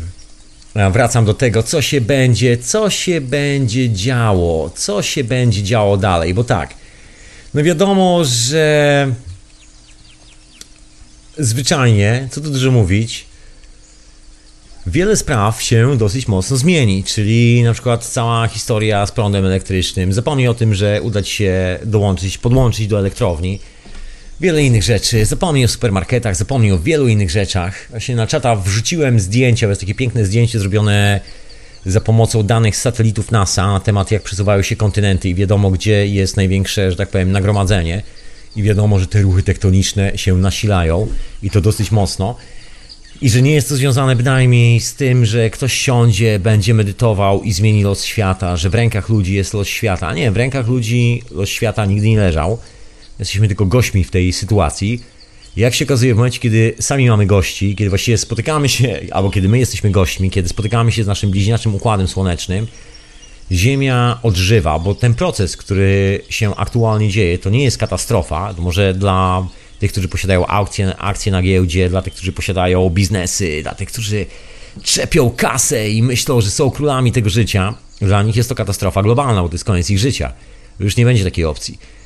A z, dla planety i dla normalnych ludzi to jest moment obudzenia się, że tak powiem. To jest pobudka. Nagle planeta odzyskuje z powrotem swój oryginalny balans grawitacyjno-magnetyczny, bo to jest ciekawa historia.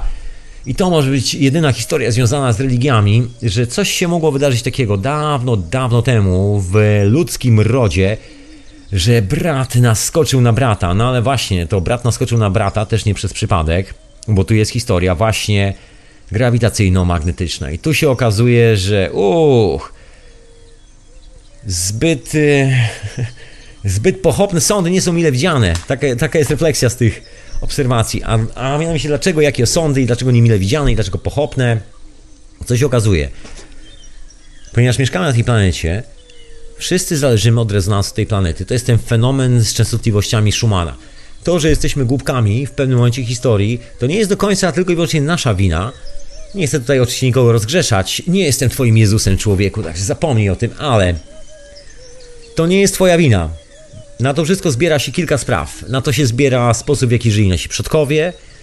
Na to się zbiera napięcie jakby grawitacyjno-magnetyczne Ziemi. W momencie, kiedy przychodzimy na świat, kiedy chodzimy po tym świecie, jest kilka czynników. I oczywiście cały kosmos, który... Praw, cały kosmos, który produkuje to zjawisko grawitacyjne magnetyczne na, na Ziemi, który produkuje to wszystko. I teraz spójrz na Ziemię. Masz dwa bieguny, grawitacyjny i magnetyczny. Grawitacyjny idzie po środku, to jest biegun e, równika. Otóż to, to jest to gorące powietrze, o tym już mówiłem chyba, zdaje się, w poprzednim którymś tam odcinku hiperprzestrzeni. A magnetyczny to jest od zimna do zimna. No i jak się okazuje, w rzeczywistości te bieguny to jest niezłe jajko właśnie, powinny być ze sobą razem. Bo na tym polega jakby rzeczywista specyfika funkcjonowania w ogóle takiej plazmy w kosmosie. To jest moment, kiedy wszystko jest, że tak powiem, w balansie, kiedy wszystko jest ok, kiedy działa tak jak należy. Mamy dwie orbity, które są ustawione pod jakimś tam konkretnym kątem względem siebie. Jeżeli prześledzisz ruchy tych orbit, czyli orbity pola grawitacyjnego i pola magnetycznego, i sobie zrobić punkty w tych miejscach, gdzie, gdzie te orbity się spotykają i powstają różne ciekawe zjawiska i sobie rozrysujesz to w przestrzeni 3D, to otrzymasz heksagonalny kryształ. Dokładnie taki sam heksagonalny kryształ, kiedy rozrysujesz sobie ruchy planet na niebie, nawet naszego Układu Słonecznego, otrzymasz dokładnie to samo. To, co powstaje, to jest wielki kryształ. Wygląda na to, że cały kosmos jest jednym wielkim kryształem, o czym tu zresztą chyba mówiłem, nie raz, nie dwa. My też zresztą jesteśmy płynną formą tego kryształu, i wszystko są oddziaływania właśnie w zakresie tej krystalicznej struktury, także nie ma żadnej szansy, żeby ktokolwiek, jakimikolwiek modlitwami, jakimikolwiek zaklęciami, medytacjami, pozytywnym myśleniem, czymkolwiek, mógł się przygotować na tą katastrofę. Takiej opcji nie ma. Są ludzie w Stanach i nie tylko, którzy mówią, że Wystarczy, że będziemy medytować i nic się nie zatrzęsie, nic nie nastąpi, że wszystko będzie ok, będziemy żyli po staremu, żaden kontynent się nie zapadnie, nikt nie zginie. Kłamstwo. Bo nie zależy to ani od tych ludzi, ani ode mnie. Oczywiście też tak bym chciał, może nie tyle, żeby się nic nie zmieniło, bo uwielbiam, jak się świat zmienia. Zmiana jest naturą świata, że ciężko było, żeby się nie zmieniał. Natomiast oczywiście szkoda mi ludzi, którzy zginą, bo zginie masa ludzi w, w tym przestawianiu się kontynentów. Naprawdę potężna, w milionach można liczyć. Sama Kalifornia to jest ileś tam milionów, już nie liczę reszty Stanów, całej tej Indonezji, Australii, Ameryki Południowej, bo to przecież wszystko po wybrzeżu idzie, tam gdzie mieszka najwięcej ludzi, gigantyczne fale tsunami, także na pewno nie zginie mało ludzi, raczej będzie dosyć spora liczba i taki dosyć smutny element. No cóż, wrócą w nowym wcieleniu. Tak to wygląda. Nie będzie, nie będzie inaczej, zwyczajnie ale to są nowe narodziny, to jest po prostu ruch do przodu, tak się dzieje. I wielu, wielu szaleńców, wielu religijnych zapaleńców obiecuje i buduje swoją rzeczywistość właśnie na tym micie, bo mają dostęp do informacji, od której odcięli całą resztę społeczeństwa. Oni wiedzą, że był mit. Że, oni wiedzą, że to nie był mit. Nawet zapisali to w formie mitu w swoich książkach. Wielkie powodzie, buduje łódkę i tak dalej. Wszystkie tego typu historie. Ale nie mówią nigdy prawdy opowiadają tylko to, co chcą powiedzieć, na podstawie bardzo wyrywkowych faktów. Tak, żeby być w miarę wiarygodnym względem historii, że jak ktoś kiedyś bije łopatę, to faktycznie okaże, po to był, no to może był i Noe. A może było inaczej, może po to był, a Noe został wymyślony, po to, żeby nikt nam nie powiedział, skąd się to wszystko bierze. I że nie bierze się od żaliwego modlenia do Boga i składania ofiar, bo zdaje się o tym była mowa, że jakiś koleś dostał cynk od Boga, że jest strefnym kolesiem i dopóki nie spali barana swoich dzieci, swojej żony żywcem, to kurde blady, będzie katastrofa. Jak ich spali żywcem, no to katastrofy nie będzie, Bóg się ubłaga. I że trzeba koniecznie płacić pośrednikom tego Boga, bo oczywiście Bóg jest niewidoczny, ale są pośrednicy, których świetnie widać i w pewnym czasie do roli pośredników pomiędzy Bogiem, który decyduje o tym, kogo mamy spalić na stosie w naszym życiu i co jest ważne, stał się polityk, który decyduje o tym, ile płacimy podatków i jak żyjemy, i gdzie mieszkamy i którą granicę przekraczamy. O, dużo decyzji jak na jednego biednego polityka, biedne głowy.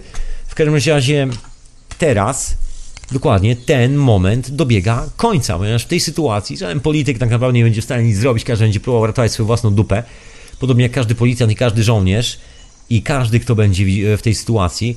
Także część ludzi, część ludzi straci życie, to prawda, i to dosyć spora część ludzi, natomiast dla planety i dla w ogóle cywilizacji jest to pobudka, są to narodziny nowego świata, bo w tym momencie znika dosłownie cała tyrania ze świata tym momencie nie masz opcji, że przypłynie tu amerykański lotniskowiec i kolesie w ciągu 15 minut załadują we mnie 5 kg ołowiu, także nie będę mógł się za bardzo poruszyć, bo taki będę ciężki od tego ołowiu. Mógłbym się poruszyć, ale ciężki ołów. I tak załatwiane są interesy aktualnie na kłamstwie, ludobójstwie, no i nagle ten system runie, bo tu już nie będzie można prowadzić takich rzeczy. Wszystko sprowadzi się do bardzo prostych czynności, do pomagania sobie nawzajem, ponieważ część świata zniknie jak e, na ironię. I myślę, że nasze szczęście zniknie ta część świata, która odpowiada za chyba największy syf w historii cywilizacji, jaki aktualnie się nam wydarzył, czyli cała ta anglo-sasko-watykańska dominacja pieniądza, bo o tym jest mowa. Tej teologii nowej wiary, która zastępuje powoli Jezusa, to teraz banknot, później z powrotem wrócą do Jezusa. Jest opowieść o katastrofie, o bogach, którzy coś tam i że jak będziemy się modlili do Boga żarliwie, to katastrofa minie. Zostały ślady do dzisiaj. Są takie grupy w Stanach, w Europie, które twierdzą, że medytując odmienią bieg historii świata, że kiedy będą medytowali, to ta planeta, która jest naszą bliźniaczą planetą, ten cały bliźniaczy układ słoneczny, tu nie doleci, że on się nagle zatrzyma w połowie, powie, eh, a jest taki numer, widziałem tam na plaży grupę ludzi, która medytuje i w intencji, żeby nic się z Ziemią nie stało. Wracamy chłopaki, zawracamy cały Układ Słoneczny, nie lecimy tam, nie lecimy. Zawracamy tą całą falę kosmicznej plazmy, ten cały strumień fotonów, tą falę fotonową, która leci w naszym kierunku. Zawracamy, zawracamy, to nie ma sensu. Nie, nie sądzę, żeby coś takiego się wydarzyło, także tutaj uprzedzam cię człowieku, że raczej coś takiego ci niewiele pomoże, ale szczęśliwie są technologie, które pomagają technologia, która to dosłownie bez problemu z, e, przeżyje i sobie poradzi w tej sytuacji, to technologia cache jak na ironię oraz pomysły Nikoli Tesli, czyli powrót z powrotem do korzeni, powrót do technologii, której używa się w dżungli, używa się na prerii, używa się w miejscach, gdzie nie ma bankomatów, nie ma telefonów komórkowych, poza telefonem, który należy do turysty, który tam się zapuścił, żeby zrobić egzotyczne zdjęcia W takich miejscach nie ma cywilizacji, którą my nazywamy cywilizacją, tam ludzie normalnie żyją. I ci ludzie do tej pory używają tej technologii. Oczywiście używają w takim dosyć limitowanym wymiarze. Ta technologia w ogóle jest cały czas używana, bo to jest mowa o robieniu gansów, o opanowaniu nad tak zwaną falą grawitacyjną i falą magnetyczną. Mamy ładunki grawitacyjne i ładunki, które mają informacje, czyli magnetyczne. I możemy sobie robić z dowolnej informacji dowolne przedmioty, dowolne rzeczy, dowolną materię. To jest jakby clue tej całej historii. Mamy coś w rodzaju kamienia filozoficznego albo pierścienia Arabeli. Strykamy palcami, zestawiamy ze sobą kilka urządzeń do kupy, one tworzą odpowiednie środowisko i w tym środowisku powstaje dokładnie to, czego się spodziewamy, żeby powstało. Jeżeli chcemy, żeby tam powstała sztaba złota, powstaje sztaba złota. Jeżeli chcemy, żeby powstało tam jedzenie, powstanie tam jedzenie, cokolwiek. Tym bardziej, że powstaje energetycznie, także nawet nie musi powstawać, tylko jeżeli jest to jedzenie, to właściwie, co dużo mówić, wystarczy, że wyjdziemy do tego urządzenia i pomyślimy o jedzeniu. W tym momencie cała informacja zostaje załadowana do naszego organizmu. Te urządzenia są używane w kosmosie, to nie jest abstrakcja. Wiem, że dla niektórych, nawet dzisiaj, bardzo religijnych ludzi, którzy uwierzyli w to, że telewizja, radio oraz prasa mówi im prawdę, dla nich jest to ojejku, bajki opowiadasz. Nie ja, na pewno telewizja ci opowiada bajki, na pewno gazeta ci opowiada bajki i trzymają cię w nieświadomości do samego końca, bo w tym momencie oni się zawiną, a ciebie zostawią z tym bigosem na głowie i powiedzą, oni będą się martwili o swoje własne dubsko. Ale oni też przestrzelili, bo swego czasu okazało się, że bogaci ludzie Poczuli smak strachu na swoich plecach, lekki pot się zrobił na skroni, bo cała ziemia jest zanieczyszczona i teraz skąd brać żywe, organiczne jedzenie? Gdzie tu mieszkać w organicznym, zdrowym miejscu, skoro zatruliśmy cały świat naszymi fabrykami? To gdzie my, inwestorzy z giełdy nowojorskiej i tokijskiej, mamy zainwestować swoje pieniądze? My, właściciele Google'a, pracownicy korporacji, gdzie zainwestować swoje życie w przyszłości na emeryturze? Kupimy sobie wyspy, Nowa, Nowa Zelandia, piękny teren, zrobili tam bańkę nieruchomości i wykupili, o czym była mowa zresztą nawet u księcia, którego pozdrawiam, właśnie teraz w Emiratach Arabskich, że wykupili tam ziemię i powstała bańka nieruchomości spekulacyjna i już praktycznie mieszkańców nie stać za bardzo, już jest tylko dla turystów z grubym portfelem. Takie miejsce, troszkę raj podatkowy, taki do uciekania. I jak na ironię, wycelowali idealnie w miejsce, które właściwie całe pójdzie pod wodę. Także chłopaki mają nosa, ale zawsze do trefnych interesów, także nie warto w tą stronę. Jak się okazuje, ci, którzy nic nie zainwestowali, ci właściwie są w najlepszej sytuacji, bo ci po prostu mają wolną drogę do ogarnięcia całej tej e, historii, która się wydarzy. No bo wiadomo, że, że będą, będzie zamieszanie na świecie, wiadomo, że na początku tego zamieszania wielu będzie próbował ugrać swoje religijne interesy, Wiadomo, że wielu ludzi będzie chciało wierzyć, że jest bliźniaczy układ, gdzie jest taka sama planeta jak Ziemia i takie samo Słońce jak my widzimy i zobaczymy to na własne oczy.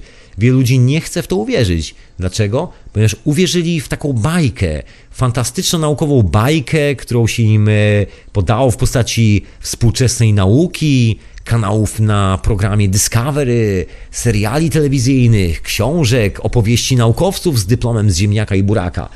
No ale jak się okazuje, ci naukowcy z ziemniakiem i bu, z ziemnioka i buroka mają teraz bardzo poważny zgryz, bo część z nich się kopnęła w tyłek i właśnie odpalono w kilku stanach e, w Stanach Zjednoczonych dodatkowo urządzenia do bardzo czułego pomiaru ruchów e, sejsmicznych płyty tektonicznej w miejscach, gdzie dawniej tego nie robiono. Właśnie włączono taki program dosłownie tydzień temu i praktycznie w każdym stanie aktualnie jest prowadzony 24 godzinny monitoring tego, co się dzieje pod ziemią. Łącznie z taką instalacją w Nevadzie, która 24 godziny przed całym buchnięciem będzie wiedziała o tym, że coś się wydarzy. To jest instalacja w stylu Tesla, potężne ilości kabla zakopane jakieś półtorej metra pod ziemią. Tak się ciągnie, nie wiem, przez tam kilometry, może nie setki, ale tam no dosłownie, no nie wiem, prawie 150 mil zakopanego kabla w ziemi. Dawniej była baza wojskowa, a później, teraz aktualnie, miejsce, gdzie testuje się właśnie systemy radarowe i to takie właśnie konstrukcji Tesli. Szefem projektu jest, jest Eric Dallard. Tam jeszcze kilku innych ludzi współpracuje i prowadzą bardzo ciekawe badania. Wszystko jest pod egidą rządu Stanów Zjednoczonych, bo to jest część monitoringu dokładnie przyszłości tego, co się stanie z Ameryką. Oni wiedzą, że ich dni są policzone, być może dlatego w dzisiejszych czasach mamy takich pajaców jak, nie wiem, Donald Trump albo tym podobnych, niedorozwiniętych intelektualnie pięciolatków, z których zrobiono bohaterów cywilizacyjnych i no nie wiadomo, ktoś ponoć ma złożyć e, swoje życie w jego ręce. I don't know, ja bym tego nie robił. No ale stąd może ta zabawa, że, że w tym momencie, kiedy wszyscy powinniśmy się pakować w nową technologię zastanowić się, ok, w jaki sposób pozyskamy prąd, przygotować się troszkę na tą sytuację i tyle. I to nie jest nic strasznego, bo jeżeli się, jest nas wystarczająco dużo na świecie, żeby jeżeli się zbierzemy, to naprawdę sobie bez problemu poradzimy. Jest taka technologia na świecie aktualnie dostępna, że się w głowie nie mieści, naprawdę nie ma z tym problemu. Aktualnie jest wykorzystywana tylko i wyłącznie do produkcji broni i do produkcji amunicji i do produkcji złota po cichu na masową skalę. Także, hmm, no nie ma za bardzo tutaj e, żadnego odbicia ani feedbacku w rzeczywistości, bo poza tym, że ktoś, e, kilku psychopatów, łącznie z pajacami typu Trump, mają zainwestowane pieniądze w fabryki amunicji i reaktory jądrowe, to właściwie nic w tym nie ma. To jest właśnie ten upadek cywilizacji. To jest ta katastrofa, to jest ta rzeczywista katastrofa, która się tu aktualnie dzieje. I wiadomo, że to nie przetrwa. Wiadomo, że technologia, którą mamy pod ręką, chociażby technologia Cashego, technologia Tesla i wiele innych spraw, absolutnie rozwiązuje problemy, z którymi przyjdzie nam się zmierzyć już całkiem niedługo. Oczywiście tym z nas, którzy przeżyją tą historię, część z nas na pewno na upartego postanowi zostać w miejscach, w których jest, ponieważ w telewizji nie powiedzieli, ponieważ nie chcą sobie sprawdzić tego w podręcznikach do geologii, do wszystkich tych pomiarowych historii, nie chcą sobie sprawdzić zdjęć satelity, nie chcą sobie poczytać nic na ten temat, nie chcą porozmawiać w ogóle z nikim na ten temat bo twierdzą, że to jest zbyt fantastyczne. To jest niemożliwe, żeby się wydarzyło, ponieważ ja i mój portfel stanowimy tak silną moc energii kosmicznych, że dookoła nas nic się nie zmieni nigdy. Dopóki nie otworzę portfela i nie dam pieniędzy, świat nie ruszy. Na sprawę wygląda zupełnie odwrotnie. Świat rusza, niezależnie od tego, czy ktoś ma te pieniądze w portfelu, rusza tymi pieniądzami, czy cokolwiek z nimi robi, czy w ogóle, czy w ogóle ich pomyśli, czy nie pomyśli. Świat po prostu cały czas się kręci. Także może być problem z tymi ludźmi, którzy są troszeczkę mało sprawni intelektualnie i uwierzyli w bajki, które się im opowiada. Ci na pewno zapłacą bardzo wysoką cenę. I to bez dwóch zdań. Ponieważ to, co się będzie działo w dużych miastach, takich właśnie jak Nowy Jork, Los Angeles, ulala, to po prostu nic się nie będzie działo. Te miasta lądują pod wodą. To troszkę tak jak Yonaguni w Japonii. Teraz, żeby obejrzeć sobie, jak wyglądały te platformy, trzeba zanurkować w oceanie, w jednych z najsilniejszych oceanicznych prądów. Jest jeden moment w roku, gdzie można bezpiecznie tam nurkować, jeżeli jest się tylko zawodowym nurkiem, oczywiście, bo pływanie w takich miejscach nie należy do turystycznego nurkowania, tylko trzeba mieć specjalne licencje na takie głębinowe nurkowanie w bardzo silnych prądach morskich, na otwartym oceanie. Tak na 100 metrów albo i głębiej. Tak już ze specjalnymi butami, specjalną mieszanką, to nie jest takie hop w każdym razie. I wygląda na to, że w, dokładnie taka historia się wydarzyła w ciągu. No, wygląda na to, że cały ten kawałek zjechał dosłownie w ciągu godziny w dół. I w ciągu jednej godziny cały Nowy Jork może zjechać dokładnie w dół tak samo, i za parę tysięcy lat ktoś ubrany w skafander do nurkowania zanurkuje i powie: Wow, odkryłem coś ciekawego. I być może wtedy pojawi się głupi naukowiec, który powie: To wygląda jak naturalne formacje skalne. Na pewno nie było żadnej cywilizacji przed nami. Przecież to my wymyśliliśmy długopis, to my wymyśliliśmy kuchenkę mikrofalową, to my wymyśliliśmy silnik spalinowy i żarówkę. Nie było nikogo przed nami.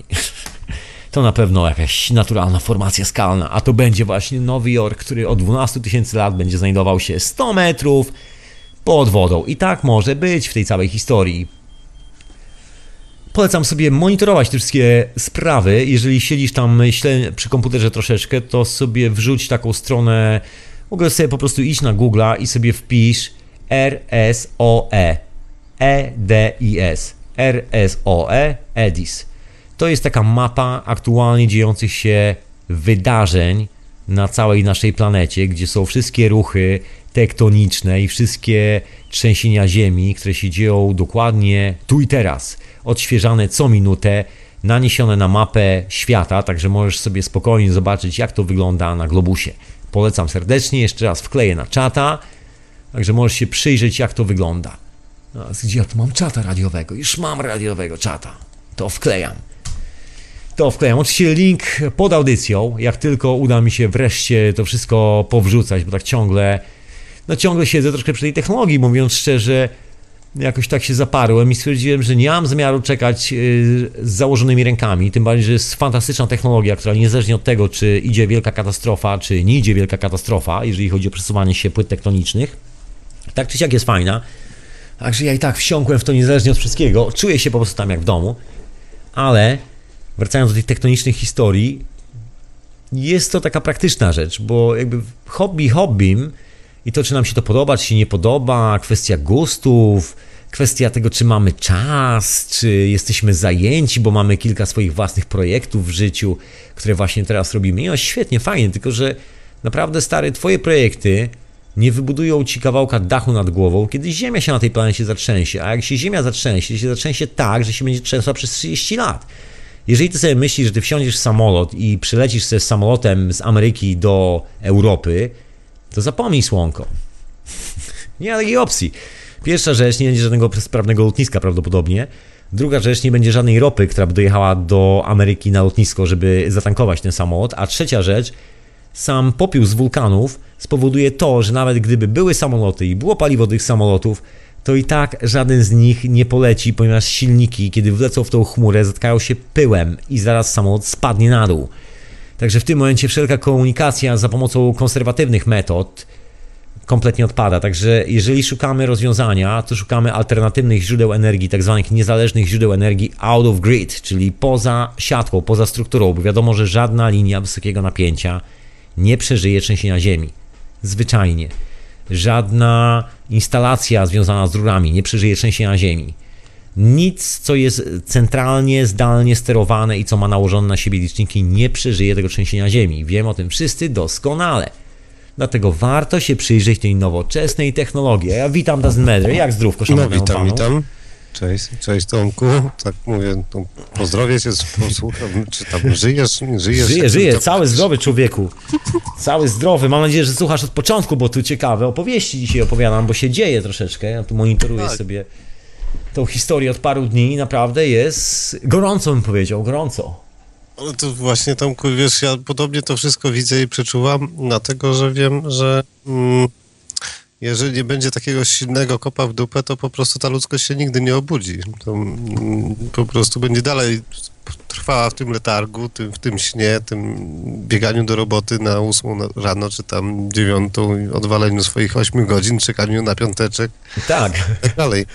I to, to nigdy się nie skończy, bo, bo to jest w miarę komfortowe i jakieś tam przynosi e, materialne. No, no jest to takie brutalne, ale bo, bo o, też tutaj takie refleksje, siedzimy i się zastanawiamy, trochę takich rozmów prywatnych się odbywa pomiędzy znajomymi, tutaj u mnie w Londynie szczególnie, że był taki bardzo towarzyski tydzień, troszkę ludzi tu wpadło w odwiedziny i temat się pojawia i, i wypływa dokładnie dokładnie to, o czym mówisz. To jest, to jest właśnie ten moment, że nagle się okaże, że wiesz, myślisz o kredycie, już biegniesz płacić kolejną ratę, Tak, stary, tak. a w tym momencie przywala cię 40-metrowa fala tsunami. A ty wiedziałeś No o tym, bo ludzie mówili dookoła, ale ty, ty naprawdę wierzyłeś, wiesz, bo nie, bo to moja rata, bo to moje życie, na to pracowałem. Kurwa, nie odpuszczę. Rozumiesz? Nie, nie, nie odpuścisz, bo, bo, bo tak tkwisz, To wiesz. moja tym kariera, głęboko. wiesz. Dopóki jest- ten kop nie nadejdzie i mówisz, ojej, co się stało? Dokładnie, to O, jest, to jest mój apartament, wiesz, tu mie- to jest miejsce, w którym tu mam pracę zawodową. Mhm. Stary, za chwilę nie będzie, nie będzie żadnego połączenia telefonami komputerami. Tu mam ubezpieczenia, ZUSy, wiesz, inne tam takie tam Tak. instytucje i to, i to wszystko na utrzymaniu, nie? A tu nagle, hmm, Tak, i to jest ta smutna prawda, troszeczkę o tym, że jak się zatrzęsie, to duża część ludzi, która zginie, zginie z własnej woli. To też jest inna historia. I to nie jest niczyja, po prostu ich wina, no, taka, tak naprawdę ich wina. Wszyscy wiedzą, że tam się zatrzęsie. To nie jest tak, że ktoś No tak, zostaje bez jest- wiedzy. To jest wybór. Czy chcesz mieć tą wiedzę, czy nie, bo ludzie ci mówią, jak się trzęsie, to ludzie mówią, jest trzęsienie ziemi, możesz sobie sprawdzić. No zresztą to jest, wiesz, mm, prognozowane już od iluś tam lat, bo to pokazywane było czy w filmach, czy w innych rzeczach, nie, że e, są te rejony, które, mm, które są najbardziej narażone i, i tak to może wyglądać. I Wszyscy o No tym jak- wiemy. Wszyscy jak się na to nie przygotujesz, no to sorry stary, no to pff, no nie ma cię. No i zamiast się przygotowywać, wymyślana jest wojna w Iraku, wojna w Afganistanie, zamiast się przygotować, pomyśleć fajnie o tym, odpalić nowoczesną technologię na taką skalę, żeby każdy miał do niej dostęp. Jakakolwiek by nie była, nie mówię o tym, że koniecznie trzeba Keszego. Rób Tesla jak, jak potrafisz, rób Wilhelma Reicha, Cokolwiek, cokolwiek. cokol- cokolwiek, co ci przyjdzie do głowy, że to tak będzie działać i zrób i sprawdź po prostu i nic więcej. Nie, Ostatni nie działa, moment, no to dokładnie. poszukaj czegoś innego, nie? Ostatni moment na sprawdzenie, czy działa, czy nie działa, jeżeli ktoś musi sprawdzać, bo to jest ostatni moment na właściwie ostatni gwizdek na zajęcie się tą sprawą, bo za chwilę będzie już po ptakach. i za chwilę, tak jak mówiłeś, to, ten wstrząs jest chyba potrzebny, bo naprawdę masowo, ja nie lubię mówić za wszystkich, bo też nie czuję wszystkich na swoich plecach i nawet by się nie zmieścili, nawet w połowie by się nie zmieścili, mam za małe plecy. Wiesz jak to jest, są wąskie plecy, nawet dwie osoby za duże, jedna osoba za duża ma moje plecy. Nie, no to, One muszą odpoczywać, lekarz, lekarz kazał im odpoczywać. W każdym razie troszeczkę tak, że, że no, co tu dużo mówić, ludzie uwierzyli w szaleństwo i zapłacą cenę tego szaleństwa i będzie to bardzo mocna pobudka, która będzie kosztowała ich życie. no, tak Doczesne. być. Muszą urodzić się na nowo, trudno. Będzie powrót z powrotem w troszeczkę innej skórze i będzie zabawnie, będzie to nowa generacja, która już będzie się inaczej wychowywała w nowym świecie. Okej, jestem za. No i w ogóle teraz jest taki czas, że to w ogóle wszystko przyspiesza i mm, na przykład ludziom maski opadają i, i w ogóle te maski opadają wszędzie, nie? Już co, coraz więcej się tam obnaża nawet w tych e, mediach mainstreamowych też już nie mogą utrzymać dalej, wiesz, mm, tych swoich słodkich e, opowiastek, bo się okazuje, że, że jednak się to wszystko przebija. No i nie można już dłużej tego ukrywać i, i, i nawet po znajomych niektórych widać, czy tam po znajomych, po, po ludziach z pracy, gdzie im opadają po prostu te maski i wiesz, że on jest po prostu zwykłym, zimnym skurwysynem, który przyjął program po, po trupach do celu, łokciami do przodu i tak naprawdę ja mam wszystkich w dupie i abym ja miał dobrze, nie? Słuchaj, Dazme, jest w ogóle ciekawa historia, bo to, co obserwujesz, to, to nie jest tylko u ciebie. Ja to obserwuję. Miałem właśnie przez cały tydzień tutaj rozmowy z ludźmi. I No. słuchaj, co osoba, to dokładnie mówi to samo. Ma to samo spostrzeżenie, że nagle charaktery stają się bardzo mocno wyraziste. Że tak wiadomo, kto w którą stronę, wiadomo, z kim chcesz gadać, z kim nie. To już przestało być takie zamglone, że tak powiem. I jest to związane, i to też nie jest żadne czary Mary, to też nie jest żadne bóstwo, żadna religia, i to jest związane z tym synchronizowaniem się pola grawitacyjnego i magnetycznego Ziemi. Bo ten brak synchronizacji, który mamy w głowie, jest efektem braku synchronizacji na naszej planecie. Tak. I Na to- tym polega numer. Nie, nie twoja wina, nie moja wina, po prostu jest tu troszeczkę przegięte pole grawitacyjne, które nas mocno ściąga. Nagle... Czasami, czasami to boli, bo wiesz, bo to się wydawało, że to kurczę, znasz go kil, kilka lat, nie? Że znasz go kilka lat i, i z tobą tam jest dosyć blisko i, i, i mówisz, no kurczę, no taki fajny gość dla mnie i tak dalej. A się przyglądasz tak bliżej i mówisz, kurczę, ty jesteś tylko dla, ze mną dlatego w takiej relacji, bo jakieś korzyści w tym znajdujesz. Nie dlatego, że mnie lubisz. No, nagle Tak się naprawdę. okazuje, że albo jesteś rozrywką dla kogoś. Ja Tak. tu dzisiaj miałem taki przypadek gentlemana, który, który traktuje chyba wszystkich jako rozrywkę swoją własną, wiesz, bo nie dorósł do czegoś No, Al- innego, albo rozumiesz? rozrywką, Albo jesteś po prostu mm, Albo szczeblem do osiągnięcia czegoś, nie? Możliwością osiągnięcia Szczeblem czegoś. w karierze, albo szczeblem w karierze, Tak. albo na tym się kończy jakby cała, wiesz, cała percepcja tego, potem jestem człowiekiem we współczesnej, części, części współczesnej generacji. I ta generacja zapłaci gigantyczną cenę, ponieważ w tym momencie synchronizacja się tych fal powoduje właśnie, słuchaj, no ty normalnie zareagujesz, ale nie wiem jak ty słuchaczko i, i ty drogi słuchaczu, ale zaczynają dziać się rzeczy, o których jak się żartobliwie mówi filozofom się nie śniło. Dzieci mają bardzo ciekawe wizje, w ogóle ludzie mają potężne sny, jest gigantyczne nasilenie snów. I to słyszę od bardzo wielu ludzi, a robię sobie taki research od 4 lat, przynajmniej jak nie dłużej, jak nie parę lat, bo to przed radiem się jeszcze zaczęło na ten temat. I widać potężną aktywność właśnie w tym obszarze. Coś się dzieje, dochodzi jakaś informacja, coś się zmienia i przede wszystkim widać po ludzkich życiorysach. To, co się dzieje ostatnio, jak, jak to przyspiesza relacje między ludźmi, ulala, coś się naprawdę dzieje. Inna No. pogoda zaczyna się robić, troszeczkę nie jest to typowa Po, po, pogoda w pogoda się w sezonie. ogóle szaleje, to, to jest też... To, To są wszystkie te ślady. Zwierzęta troszeczkę inaczej się zachowują, minimalnie, ale jest troszeczkę inaczej. Tylko właśnie, kto chce to zauważyć? Bo jeżeli ktoś jest zajęty teraz, no nie wiem, swoim własnym przedstawieniem, odgrywaniem pajaca, Rogi jakieś, nie? Tam przedstawieniem kogoś, że o, ja jestem taki fajny gość, albo no, jak, jak to jeszcze bardziej zrealizować, żebym był jeszcze bardziej fajny i bardziej atrakcyjny.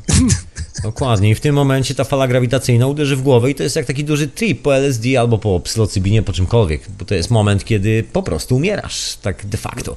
No tak, bo, ale tutaj ja, tak jak e, no, przyjrzysz się tak na to wszystko, mówisz, kurczę, ale to jest takie proste, nie? I, i tak to widać, tak jak mm, a, no nie wiem, no, no rela- relacje zaczynają się układać w ogóle, wiesz, e, poznajesz ludzi, z którymi naprawdę y, jest ten związek, mówisz, to jest, o, to, to się dzieje to, czego chcę.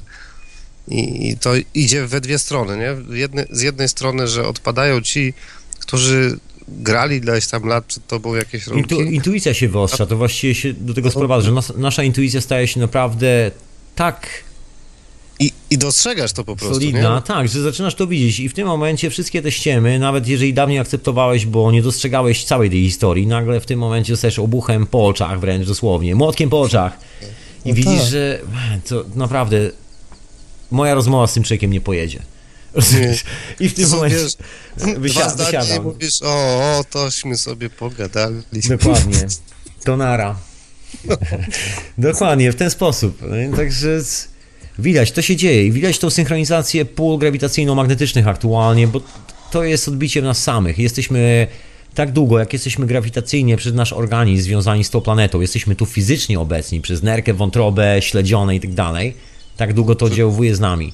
No tak, no wiesz, no pijemy wodę z tej planety, oddychamy powietrzem z tej planety. Jesteśmy, najle- jesteśmy czujnikiem tej planety, sensorem. Jest- Jesteśmy no, no, no, częścią jej, no nie da się st- stąd wybyć, nie, nie, nie przeniesiesz się. No otóż to, tak, Znaczy, tak długo jak tak długo jak się kleimy do tej grawitacyjnej fali, tak długo, no właściwie czeka nas katastrofa. Właściwie cała historia z tą katastrofą jest związana właśnie z przejściem w technologii z czegoś, co jest grawitacyjne, na coś, co jest magnetyczne, czyli z przejściem z zasobów na informacje, o czym kiedyś już dawno tam mówiłem, nie będę do tego wracał w tym momencie, ale to jest właśnie to jest konsekwencja tej wielkiej katastrofy. Jeżeli ty, słuchaczko i słuchaczu, nie kumasz w tym momencie, do czego piję, jest taki stary odcinek hiperprzestrzeni, gdzie mówię troszeczkę na temat różnicy pomiędzy cywilizacjami. Że są cywilizacje oparte na zasobach i są cywilizacje oparte na wiedzy. I w tym momencie następuje potężna ewolucja, bo właściwie każdy z nas będzie musiał indywidualnie ewoluować z momentu, gdzie traktuje życie jako zasoby do robienia kariery, czegokolwiek, do bycia szczęśliwym w jego własnym mniemaniu tudzież zaczyna rozumieć, że to nie są zasoby, tylko to jest energia. To jest informacja o tym, że on może być szczęśliwy i nie musi gromadzić ani nikomu zabierać. Co najwyżej może stworzyć informację i podać dalej. No tak, no teraz żyjemy w systemie, gdzie mm, głównie ci, co mają dużo, to żyją z pracy cudzych rąk, nie, nie ze swojej pracy, tylko z pracy cudzych rąk. Tak to jest mm, w systemie hierarchicznym, gdzie tam ten najniżej, co naj, naj, najciężej pracuje, dostaje najmniej.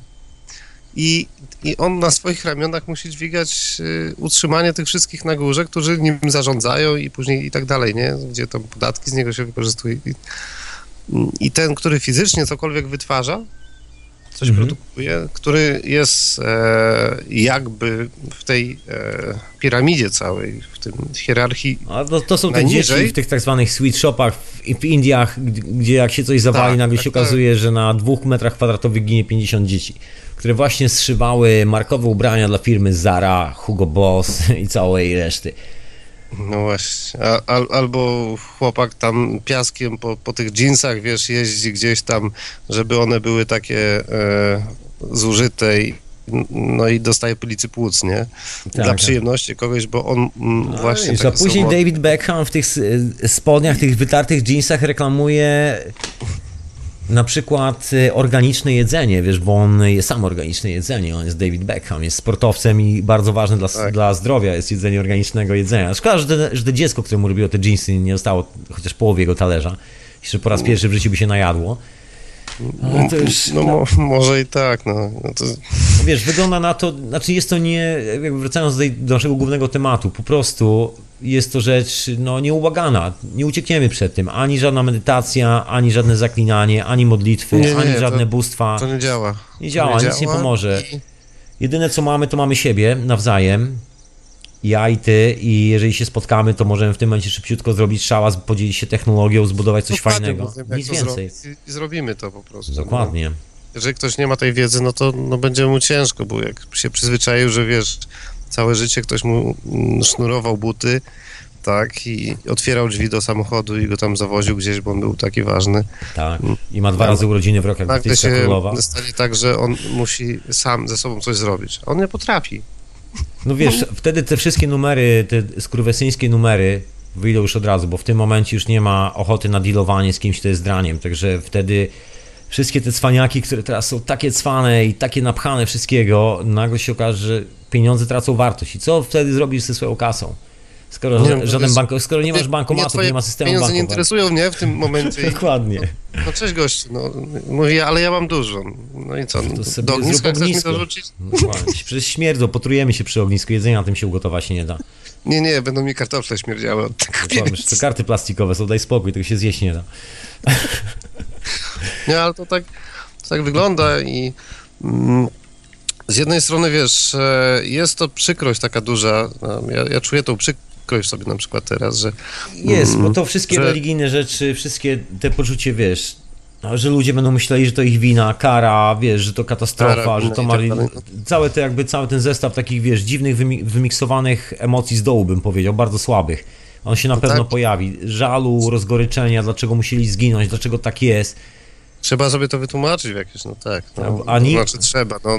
No właśnie jest tłumaczenie, właśnie dowcip powie, że tłumaczenie jest i to idealne i to mamy tłumaczenie teraz, także można zapakować cały stan Kalifornii i dosłownie wyewakuować teraz, nie ma problemu, ale nikt tego nie zrobi, ponieważ mieszkańcy stanu Kalifornii, tak samo jak mieszkańcy miasta Nowy Jork twierdzą, że wiesz, to są jakieś bajki, man, po prostu przecież nasz bank jest bardziej stabilny, mój apartament No jest tak, bardziej stabilny niż to miało. Kesze zaapelował do, do nich przecież, żeby no, róbcie coś z tymi ludźmi. Ludzie, uciekajcie stamtąd, bo to wszystko wskazuje na to, że za chwilę nie będzie tego wybrzeża. No, No nie będzie jednego i drugiego, a oni dalej tam siedzą i wiesz, w fajnym apartamencie i myślą, a wszystko będzie okej, To napra- naprawdę minie, będzie okej, pomedytuję i minie.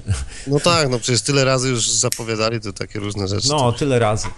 Raz na 12 tysięcy lat zapowiadają, nigdy się nie mylą. Ale ktoś myśli, że codziennie zapowiadają, bo tam mówi o katastrofie, jeśli nie wydarzyła. A, bo mówi, ale ona cały czas właśnie to jest. To jest właśnie ta tajemnicza katastrofa, która wygląda zupełnie inaczej niż to, co w filmach.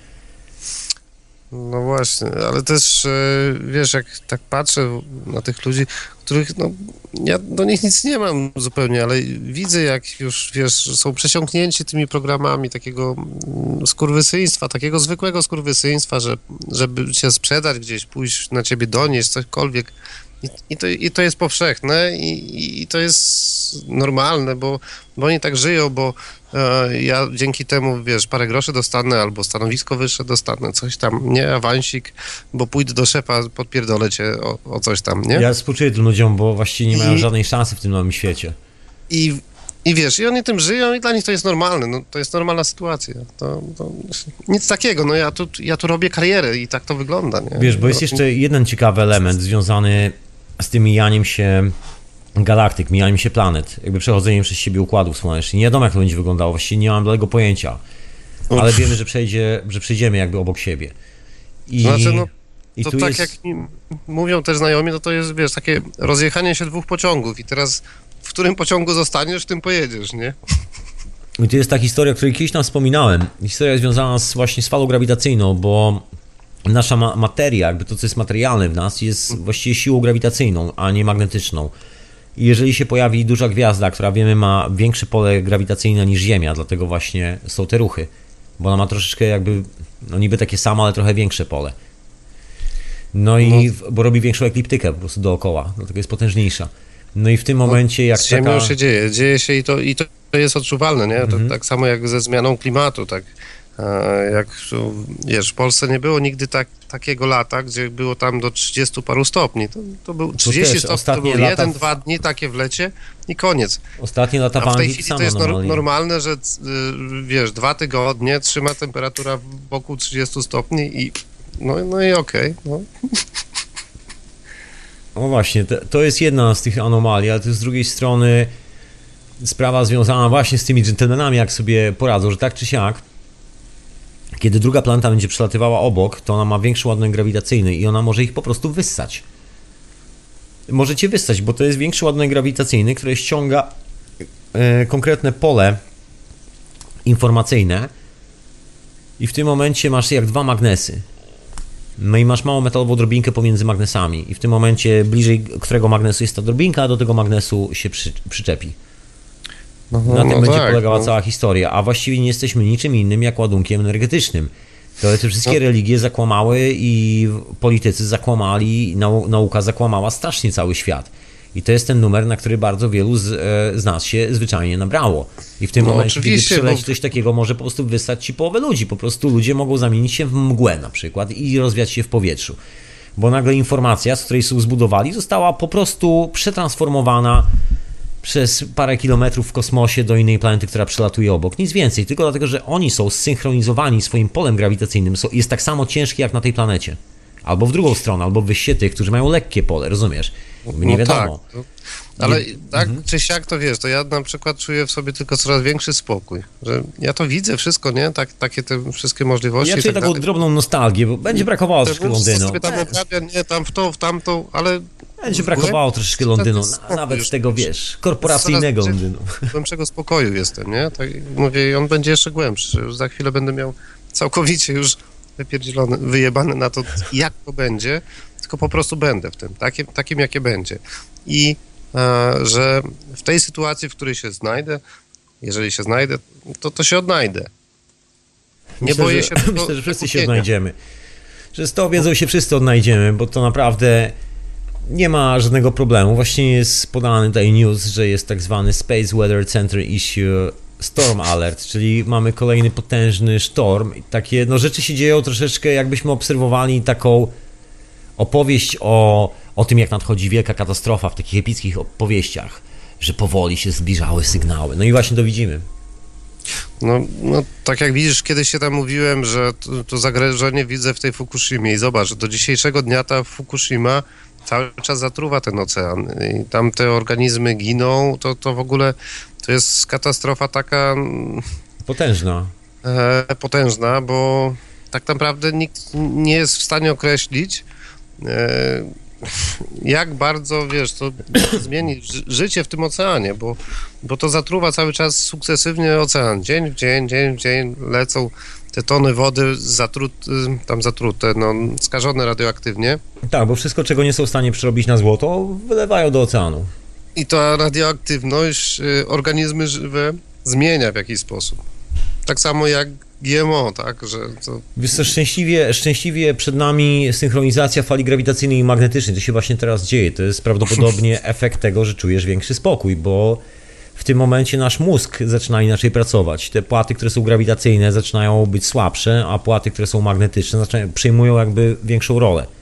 W tym momencie pojawia się spokój, znika strach, zaczyna się takie normalne myślenie, zaczyna się rozumienie świata i normalne życie. Mhm. No, to takie to jest takie proste po prostu. To nie szukasz już, wiesz, nie, nie komplikujesz niczego sobie w głowie Mm, i te myśli, które przychodzą na przykład, to mówisz, ojej, jak one są pokręcone, skąd Ale to tylko, się dzieją w to, ogóle, ale to tylko dla wariatów, to tylko dla wariatów, No jest- bo jeżeli Nie, nie, nie mam czasu teraz na takie myśli, nie? Pa, pa. to się nie uda, w tym momencie, w tym momencie dotyczy to wszystkich nas na całej planecie, każdej żywej istoty, zwierząt, ludzi, delfinów, wszystkich, wszystkich istot żywych, roślin. Ta informacja idzie do każdego. To jest sposób, w jaki funkcjonuje całe życie na planecie. Jeżeli zmienia, zmienia się biegun grawitacyjno-magnetyczny, to w tym momencie zmienia się nasza percepcja rzeczywistości. I to jest wielka tajemnicza zmiana, o której nikt nam nie chciał powiedzieć, bo to było wielką tajemnicą, dlatego te wszystkie wykopaliska są takie zakopane i udaje się, że jedyna cywilizacja, jaka jest na tej planecie, to cywilizacja rzymska. Innej nie Tak, było. Może tak, tak. gdzieś Indianie po dżungli się uchowali. Tak, więcej nic innego nie było, a tu I płać nam pieniądze, płać nam gdzie, gdzie pieniądze. głębiej łopatę wkopiesz, to się Tak. okazuje, że leży jakiś kamień, kurczę, jak przycięty laserem, czy nie wiadomo czym. Ładnie. Space Invaders. Otóż Ja, a to. propos roślinek, wiesz, no, ja na przykład marzyłem, żeby mieć swoją czereśnię, żeby nie chodzić do sąsiada kraść tych czereśni, bo to masz. najlepiej smakowały takie kradzione czereśnie od sąsiada. No i sobie posadziłem to czereśnie, No, Własne smakują jeszcze lepiej. A niech będzie. bardzo dobrze. Także my się zmieniamy, cały świat się zmienia. To, co widzimy, to jest właśnie taka pobudka. Ci, którzy ma, mają bardzo mocne sklejenie z tą częścią grawitacyjną, mają bardzo mocno jakby rozbudowany ten system pozyskiwania informacji w organizmie, w DNA grawitacyjnie, no to będą mieli szok bardzo poważny. Tak jak wszystkie elementy, które się przyspawały, że tak powiem, do planety, tak samo mają teraz szok. To jest dokładnie takie same trzęsienie Ziemi, tylko w troszkę mniejszej skali, prywatnej skali, indywidualnej w naszym mózgu. Dokładnie to, co się dzieje z planetą. Także to nas czeka. Właściwie to się dzieje. W tym momencie mamy kolejne trzęsienie Ziemi w Japonii. Trzęsie się dalej kolejna, ta ostatnia wyspa, która się przesunęła, bo właśnie trzęsie się tak, że przesuwają się już płyty te oceaniczne, bo cała wyspa, ta najniższa, nie pamiętam jak się nazywa, Okinawa zdaje się, tam jest, jest taka mniejsza pod Okinawą, przesunęła się o cały metr. Cała wyspa przesunęła się o metr ra- raz, w, w, w kierunku Chin. Tak nagle zmieniła pozycję w ciągu ile, jakieś dwie godziny, jakoś tak? To sporo. To, No, to, to, Gibraltar się przesunął. Z punktu widzenia, wiesz, że przez kilka tysięcy lat, jak się mm, te wyspy przesuwały o tam milimetry jakieś, Mhm. no to przez jeden dzień, jak się o metr posuwa, no to już Ja jest... mowa o dwóch godzinach.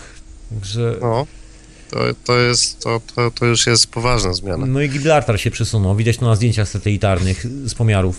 Bo tak normalnie nie Gibraltar miał zauważysz. być nasz przecież. A, śnia się dalej przesuwa, także zapada się, zapada się, proszę pana. Afryka odpływa w dół, nacisk na płytę tektoniczną europejską spada, także i Alpy, i Włochy, i to wszystko zaczyna siadać do oceanu. Więc jakby Afryka od, odpływa i wszystko siada, bo ten e, kawałek skały, na której jest Afryka, jakby wypycha Alpy do góry, to on wypycha tą część Europy do góry, dookoła Morza Śródziemnego. Także będzie ciekawie. Aktualnie jest naprawdę tak groźnie troszeczkę w Stanach. Zaczyna się trzęść ziemia w środkowych Stanach, dokładnie w ciągu ostatnich dwóch godzin. Że ciekawe rzeczy się dzieją. Jeżeli ktoś mieszka w Stanach, to nie pozostaje nic innego. Jeżeli mieszkasz e, chłopaku gdzieś w Kalifornii, to pakuj graty i jedź do Kolumbii Brytyjskiej. No, odnajdziesz się tam spokojnie. Ty dziewczyno, jeżeli mieszkasz e, czy gdzieś na Florydzie, czy w Nowym Jorku, to zdecydowanie, jeżeli chcesz przeżyć, i ja wcale nie żartuję, nikt nie żartuje, sama sobie sprawdź i ty też chłopaku sam sobie sprawdź, nikt tu bajek nie opowiada, nie ma tu już czasu na bajki, na duperele. Także albo się zapakujesz i wyjedziesz do Kolumbii Brytyjskiej, albo być może, jeżeli tąpnie w tym tygodniu, jest to ostatnia hiperprzestrzeń w twoim życiu, której słuchasz w tym wymiarze. Także anyway,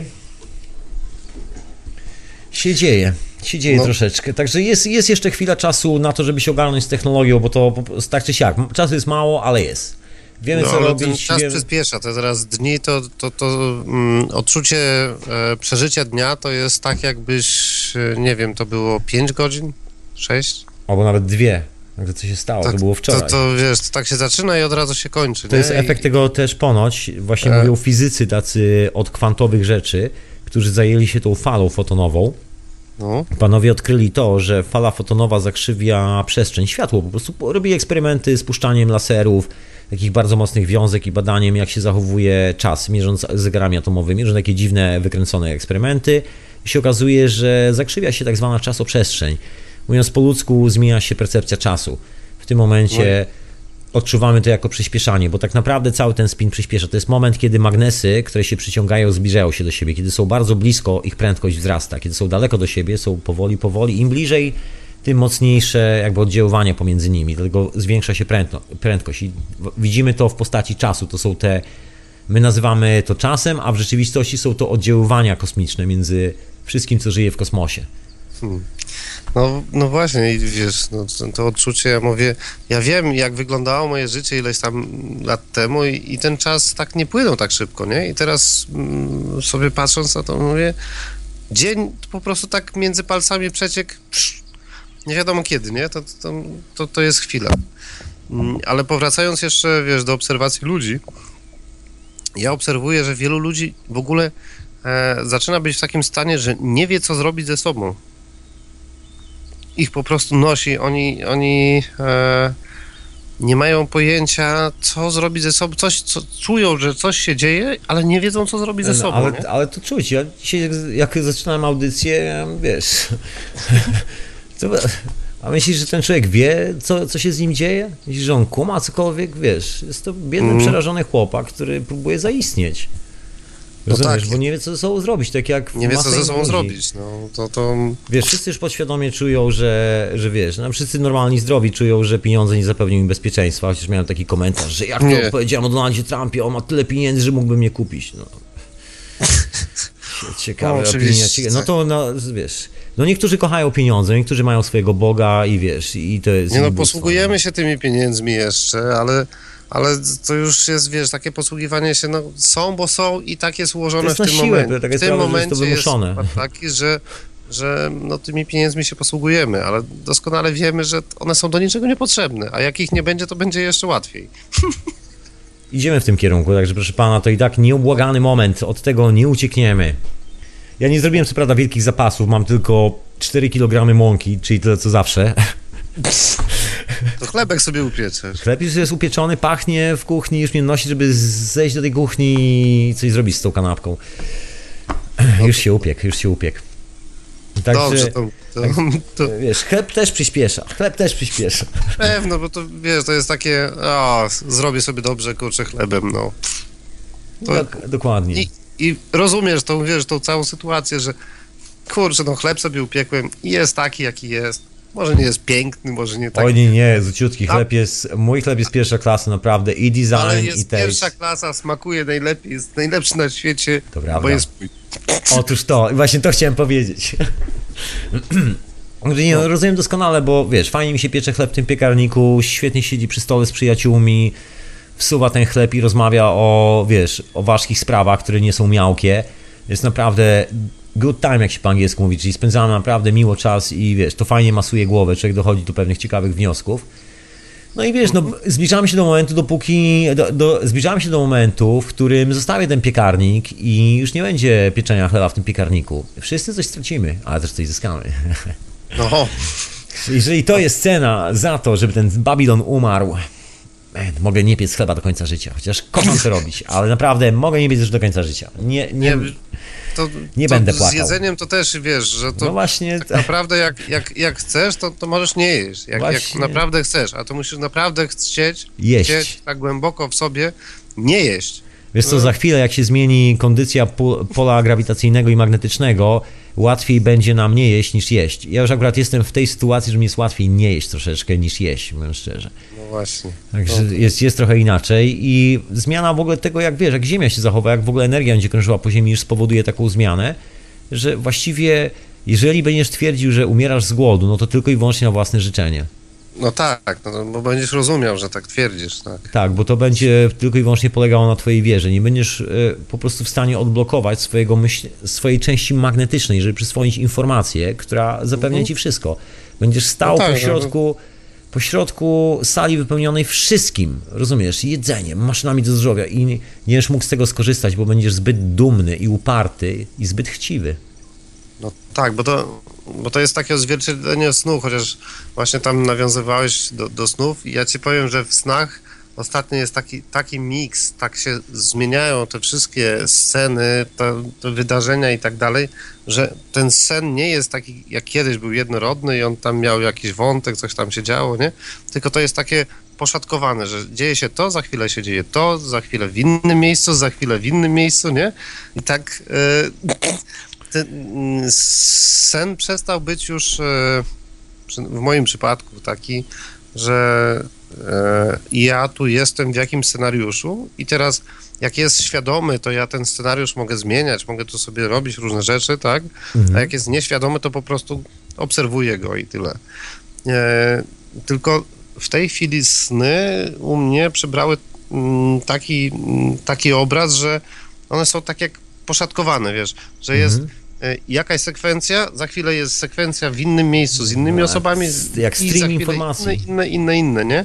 Jest tego mnóstwo i, i rano się budzę i mówię, o, o Są Ale bardzo ja- podobnie. Mam, co to było, nie? Ja, ja to nazywam streamem informacji. Mam coś takiego, że po prostu potężna ilość informacji przelatuje przez głowę. Gigantyczna. Opowieści, ludzi, wydarzeń, wszystko jest ze sobą złączone, wszystko ma sens. Nie pamiętam wszystkiego, bo tego jest tak, to ma sens, potęga. to cię wciąga, wiesz, to, to podąża za tym. Tylko, że ja nie wiem na ile, znaczy jakby na pewno jest to związane z tą planetą, ponieważ żyję na tej planecie, także krytynizmem byłoby twierdzenie, że nie, nie, nie, nie, nie związane. To tak jakbym zaprzeczył faktowi istnienia, swojego istnienia na tej planecie. To mniej oznaczałoby to samo. Także... To jest związane, jest przepływ informacji teraz niesamowity jest, wiesz, takie... Mm, myślę, że to dążymy do przesytu tak zwanego, że już przejdzie przez ciebie tyle informacji, że powiesz... Że już wszystko wiem, że na, chwila, nagle... chwila spokoju teraz. że to będzie ten moment na to, żeby skumać, że wszystko ze sobą jest połączone, a nie Tak. rozdzielone i że to nie materia, tylko zupełnie inna historia. Ta magnetyczna, to ona tworzy całą resztę. Grawitacyjne pole jest tylko efektem działania siły magnetycznej. No I to się- tak.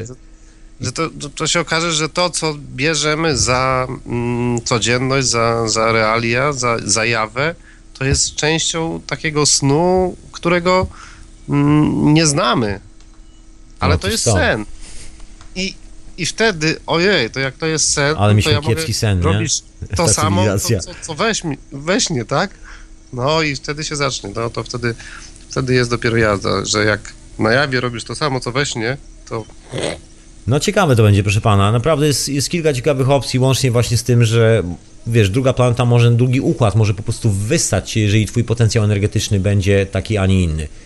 Że ciebie wcale tu nie będzie. To są te za- zaskakujące ślady, że te cywilizacje zniknęły, po prostu wyparowały w ciągu ułamka sekundy i to nie było takie wyparowanie, że wiesz, No tak. była katastrofa i zniszczyło i tak dalej. Jak jest katastrofa, część ludzi ocaleje, przenosi dalej tą samą kulturę i widzisz tą ciągłość, widzisz te szlaki, którymi to kursuje. No to wi- widać takie ucięcie po prostu Od w razu. pewnym momencie. Nie ma dalej nic, nie? Dokładnie. No i, i, i wiesz, tam są jakieś artefakty I nic, nie i wiadomo. jest ucięte. W pewnym momencie jest ucięte, nie, nie, nie ma dalej kontynuacji tego.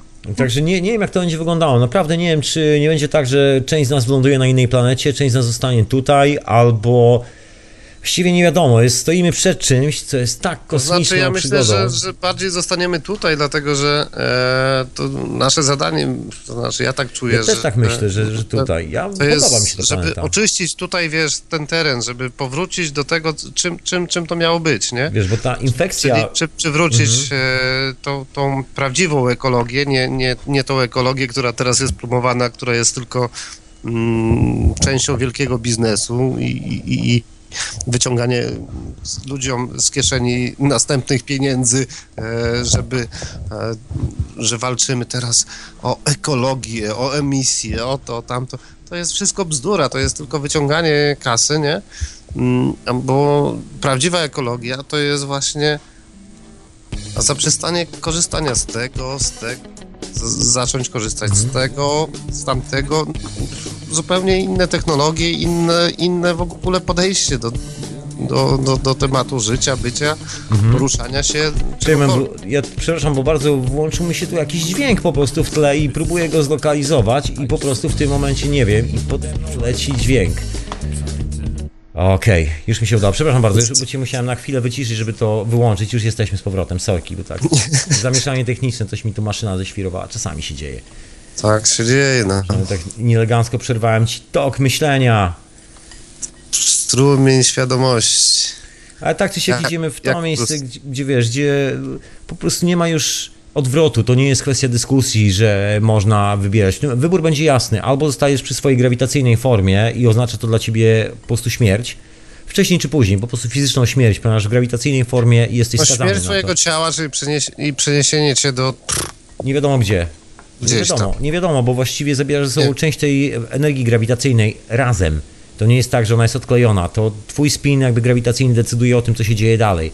To jest ta opowieść w buddyzmie o tym, że wiesz, to ty decydujesz tu i teraz o swoich reinkarnacjach. No, no właśnie, bo to... Tworzy, two, Tworząc sobie ten tunel grawitacyjno-magnetyczny do przyszłego życia na przykład. I tu się niewiele zmieni, myślę. A z tym tunelem powiem Ci e, taką historię, że tutaj e, bawiłem się w, w taką e, regresję hipnotyczną. No i tutaj... Jak wrażenia, bo ja e, nigdy się nie poddałem, zawsze chciałem. Nigdy tego nie zrobiłem. A, to znaczy, że ja się nie poddałem, to ja byłem tym, który poddawałem, no i mówię, mówię do niej, bo ona idzie w ten tunel, nie? Ja mówię, ale wróćcie, wróćcie, wróćcie, wróćcie z tego tunelu, nie? Mówię, i zobacz, ile jest tych tuneli. A ty w który wchodzisz? Otóż to, także jest ich masa. Wtedy patrzy, mówi, o kur... faktycznie, kur... coś tu się dzieje, nie? O co chodzi? Także przed nami taka historia, że te tunele tunelami, ale po prostu każdy, kto ma duży ładunek grawitacyjny, czyli każdy zakochany w swoim własnym bożku, czy to są pieniądze, czy to jest pozycja społeczna, czy to jest religia, czy cokolwiek, Cokolwiek, to cokolwiek, cokolwiek. no. jakakolwiek forma To religii, może być twój ulubiony pierścionek twoją religią. I ulubiony kubek, cokolwiek, kubek, zegarek, I ty mówisz, ojej, jak ja przywiązuję zabije wagę. się za ten samochód, za, rozumiesz, Wszy- wszystko, wszystko w tym temacie. Właśnie. I, I jak to będzie, będzie, że tak powiem, dominowało moją materię, no to wiadomo, że nie przetrwam. Jedyny sposób na przetrwanie jest przejście na falę magnetyczną, na urządzenia i na technologię magnetyczną, ponieważ tak naprawdę to, co się dzieje z Ziemią aktualnie, te przesuwanie się potężnych płyt tektonicznych, oceanicznych, to jest właśnie powrót do rzeczywistej koncepcji, w której wszystko funkcjonuje, czyli do tego, że jest oparte na fali magnetycznej, na przepływie informacji, a nie na zasobach. No, ja, ja też ten czuję, Nawet że wiesz, zwierząt, wiesz, na- magnetyzmem to, to jest e, to, to, to jest w ogóle przyszłość. Wykorzystać ten magnetyzm, tak, że powstaje jakaś siła dlatego, że się zbliża do siebie północ, południe, tak, czy tam mm, północ, północ najlepiej, bo się odpychają. Mhm. Jest ta siła, co, co odpycha, no, ale No czym ona jest? nie? Właśnie, jesteś pomiędzy. I- Jak tam wstawisz i- coś pomiędzy. I teraz wiesz, ja, ja sobie kombinuję e, na przykład taki układ, gdzie są solarne ogniwa i one dają mi prąd, które napędzają mi e, coś właśnie magnetycznego. To znaczy napędzają, e, to jest Śmiało, śmiało, przecież. jak, jak, jak e, Powiedz, co masz w garażu. Bodin, Powiedz. nie, nie, nie Bodin, Rodin, e, Rodin, cewka Rodina. Jest taki gentleman, który zrobił cewkę Jest Rodin. Rodin, tak, ta cewka Rodina. Bedini, ale, Ale jest, jest Bedini. A, jest silnik Be- Bediniego. Bediniego układ taki, gdzie część Tak, cewek stanowi, proszę ciebie, napęd e, tych magnesów, a drugi, drugi e, obiekt e, cewek stanowi produkcję prądu. Jest tego plan na necie, to w ogóle słynna taka maszyna. Tak, tam, tam jest Skull, Skullgirl e, Dokładnie. i tam Scheme, nie? Bo to, bo to jest takie historia. proste. To tam nie? wszystkich zainteresowanych zapraszam do syntezy. Jest cały odcinek właśnie poświęcony właśnie Mr. Bodiniemu i tego historii tej maszyny, bo historia tej maszyny jest zabawna. Nie, ale, to, Ale wiesz, jest, ma- maszyna działa, wszystko działa. i mówię, kurde, no okej. No, I, i, i, I tutaj faktycznie w tym przypadku no trzeba dostarczyć jakąś energię. No dobra, energię mam ze słońca. Panele słoneczne napędzają mi to, żeby się kręciło, tak? Tak. A z drugiej strony cewki odbierają z tych magnesów, a jeszcze jeżeli użyję magnesów e, neodymowych, mocnych, no to będzie jeszcze wzmocniony efekt. Bo mało kto sobie zdaje sprawę, jak powstaje prąd. To, to jest bardzo proste zjawisko.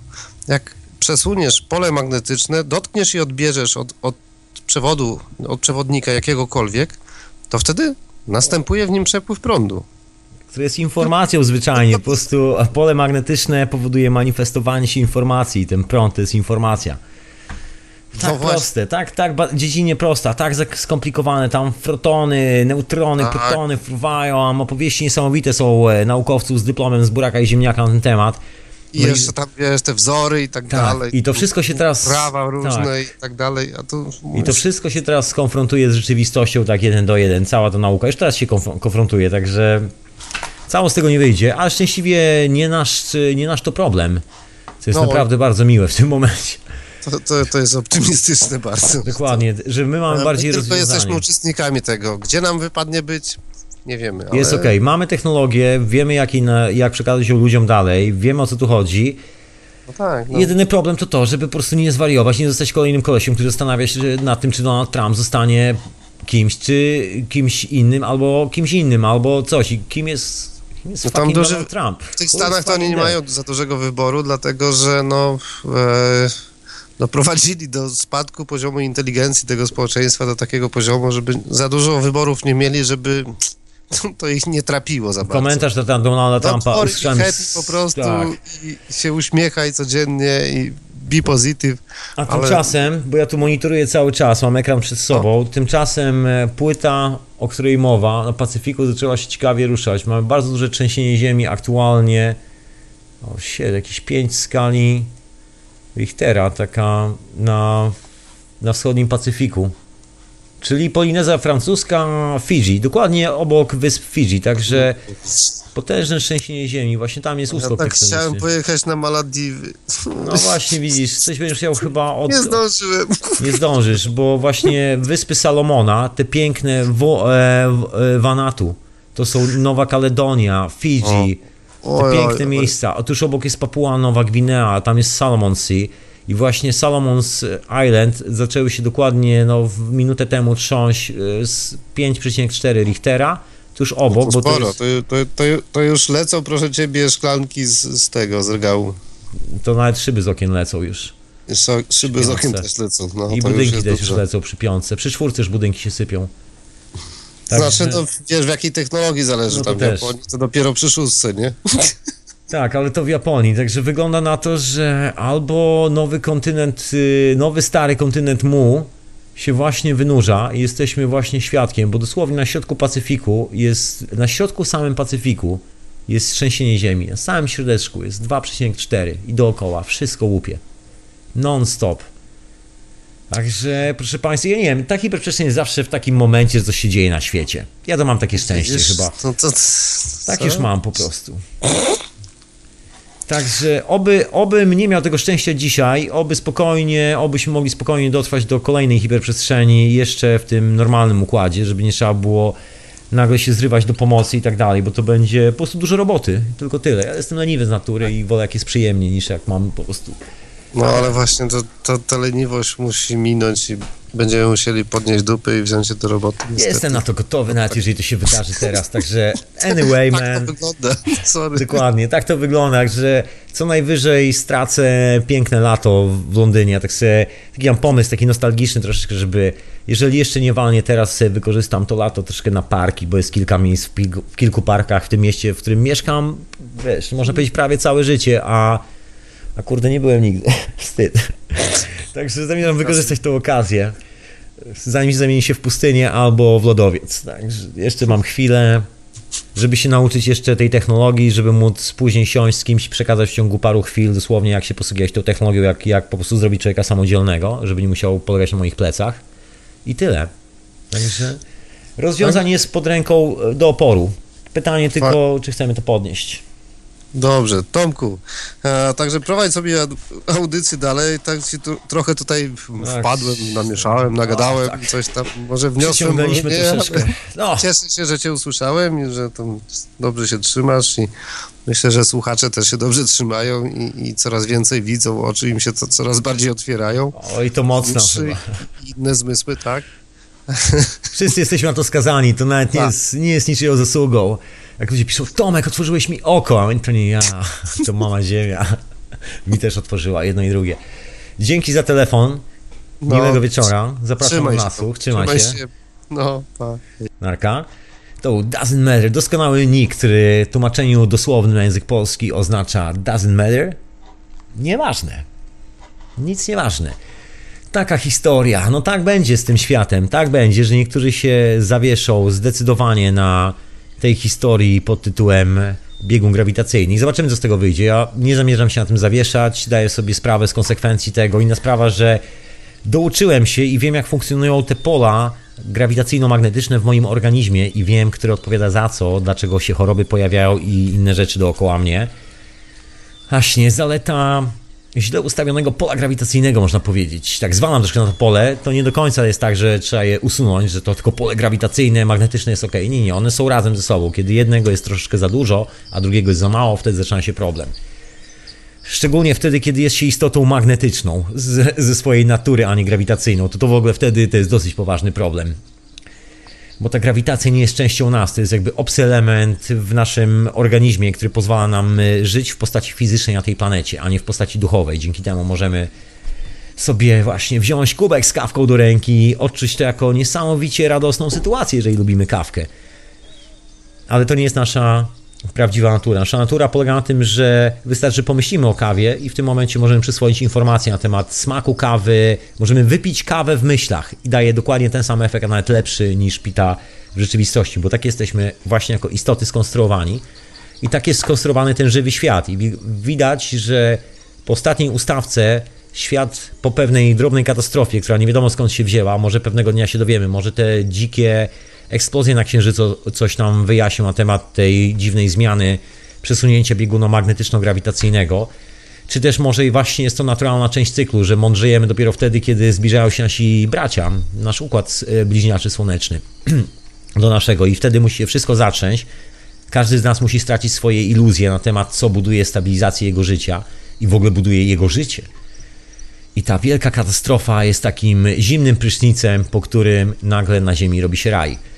Ja myślę, że tak właśnie jest, człowieku. Także sobie i tobie tego życzę I przede wszystkim tego, żebyś ty, człowieku, i że ja, żebyśmy nie ucierpieli specjalnie podczas tego przestawiania się Ziemi, żebyśmy nie potraktowali tego jako katastrofy, tylko zrozumieli, że jest to szansa, bo to jest szansa, to jest nowe rozwiązanie, jest nowe rozdanie, jest wszystko od nowa. I jeżeli kiedykolwiek myślałeś i marzyłeś o tym, żeby zmienić świat na lepszy i nowy, Man, człowieku, właśnie masz to przed sobą, możesz to właśnie zrobić. Nic cię nie zatrzyma, ani korporacja, ani pieniądze. Już teraz jesteś wolnym człowiekiem.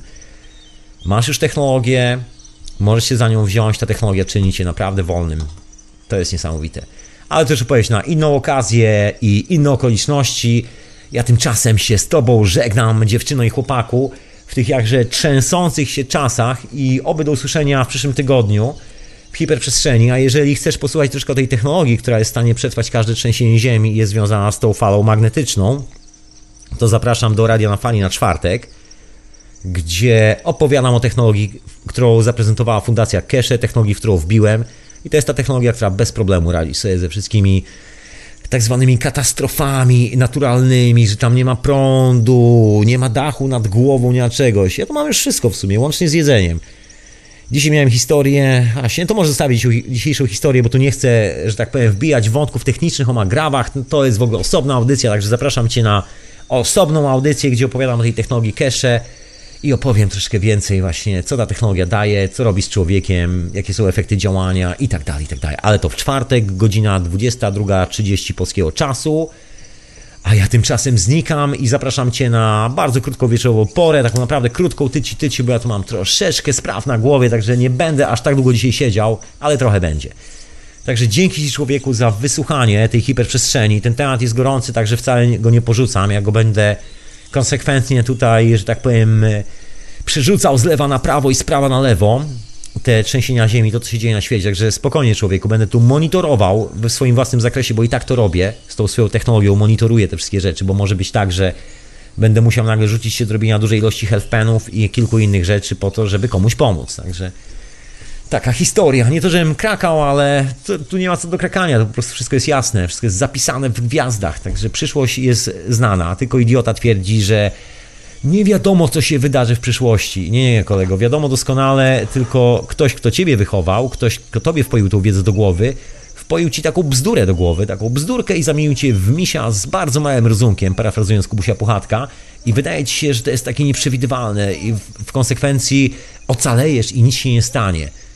Jasne, ale to nieprzewidywalne, jest bardzo przewidywalne i naprawdę jesteśmy w stanie się doskonale na to przygotować. Także obyśmy mieli tylko tą chwilkę czasu, żeby się lekko ogarnąć, tutaj wszyscy razem i tyle. I witamy wszyscy nowy świat, nowe mapy. Z Edkiem się śmialiśmy parę dni temu, że będzie niezły ubaw, bo stare albumy nabiorą wartości kolekcjonerskiej, jeżeli będzie w ogóle coś jak kolekcjonerstwo. Będzie śmiesznie otworzyć stary album, gdzie w ogóle świat będzie wyglądał inaczej, będzie Ameryka, USA na mapie, a w rzeczywistości już nie będzie, będzie, będzie duża woda w tym miejscu, tak jak mówią Indianie Hopi, dokładnie. I obyśmy wszyscy zdrowi cali byli. Tyle nam wszystkim życzę. I Tobie, drogi mecenasie i mecenasko, jeszcze raz wielkie dzięki za wspieranie radia. I Tobie, drogi słuchaczu offline i słuchaczko offline. I obyśmy, że tak powiem, nie stracili się z kontaktu. Szczęśliwie fala magnetyczna powoduje, że trafiamy jakoś na siebie. Niby takie małe kameralne radio, jakoś trafiamy tu na siebie. Tyle radiostacji jest na świecie, a jakoś tutaj, wiesz, się znaleźliśmy w tej i, intymnej sytuacji. Także jak widać, fala magnetyczna działa doskonale, także nie bój się, nie stracisz niczego. Ten nowy świat jest doskonały i myślę, że też jakaś hiperprzestrzeń, możesz niekoniecznie radiowa, w tym nowym świecie się pojawi, ale to już opowieść na inną inną okazję. Także znikam. Dzięki jeszcze raz za wysłuchanie hiperprzestrzeni w radionafali.com. Mówił do ciebie Tomek, bo ja mam imię Tomek. Oprócz tego to wszystko było transmitowane w radiu Paranormalium i w radiu Dreamtime u Grzegorza. I ja znikam, dziewczyno i chłopaku, aby. Aby zniknąć i pojawić się z powrotem. Tadam! Niczym słońce na niebie. Zatem do usłyszenia. Słuchałeś radia na fali.com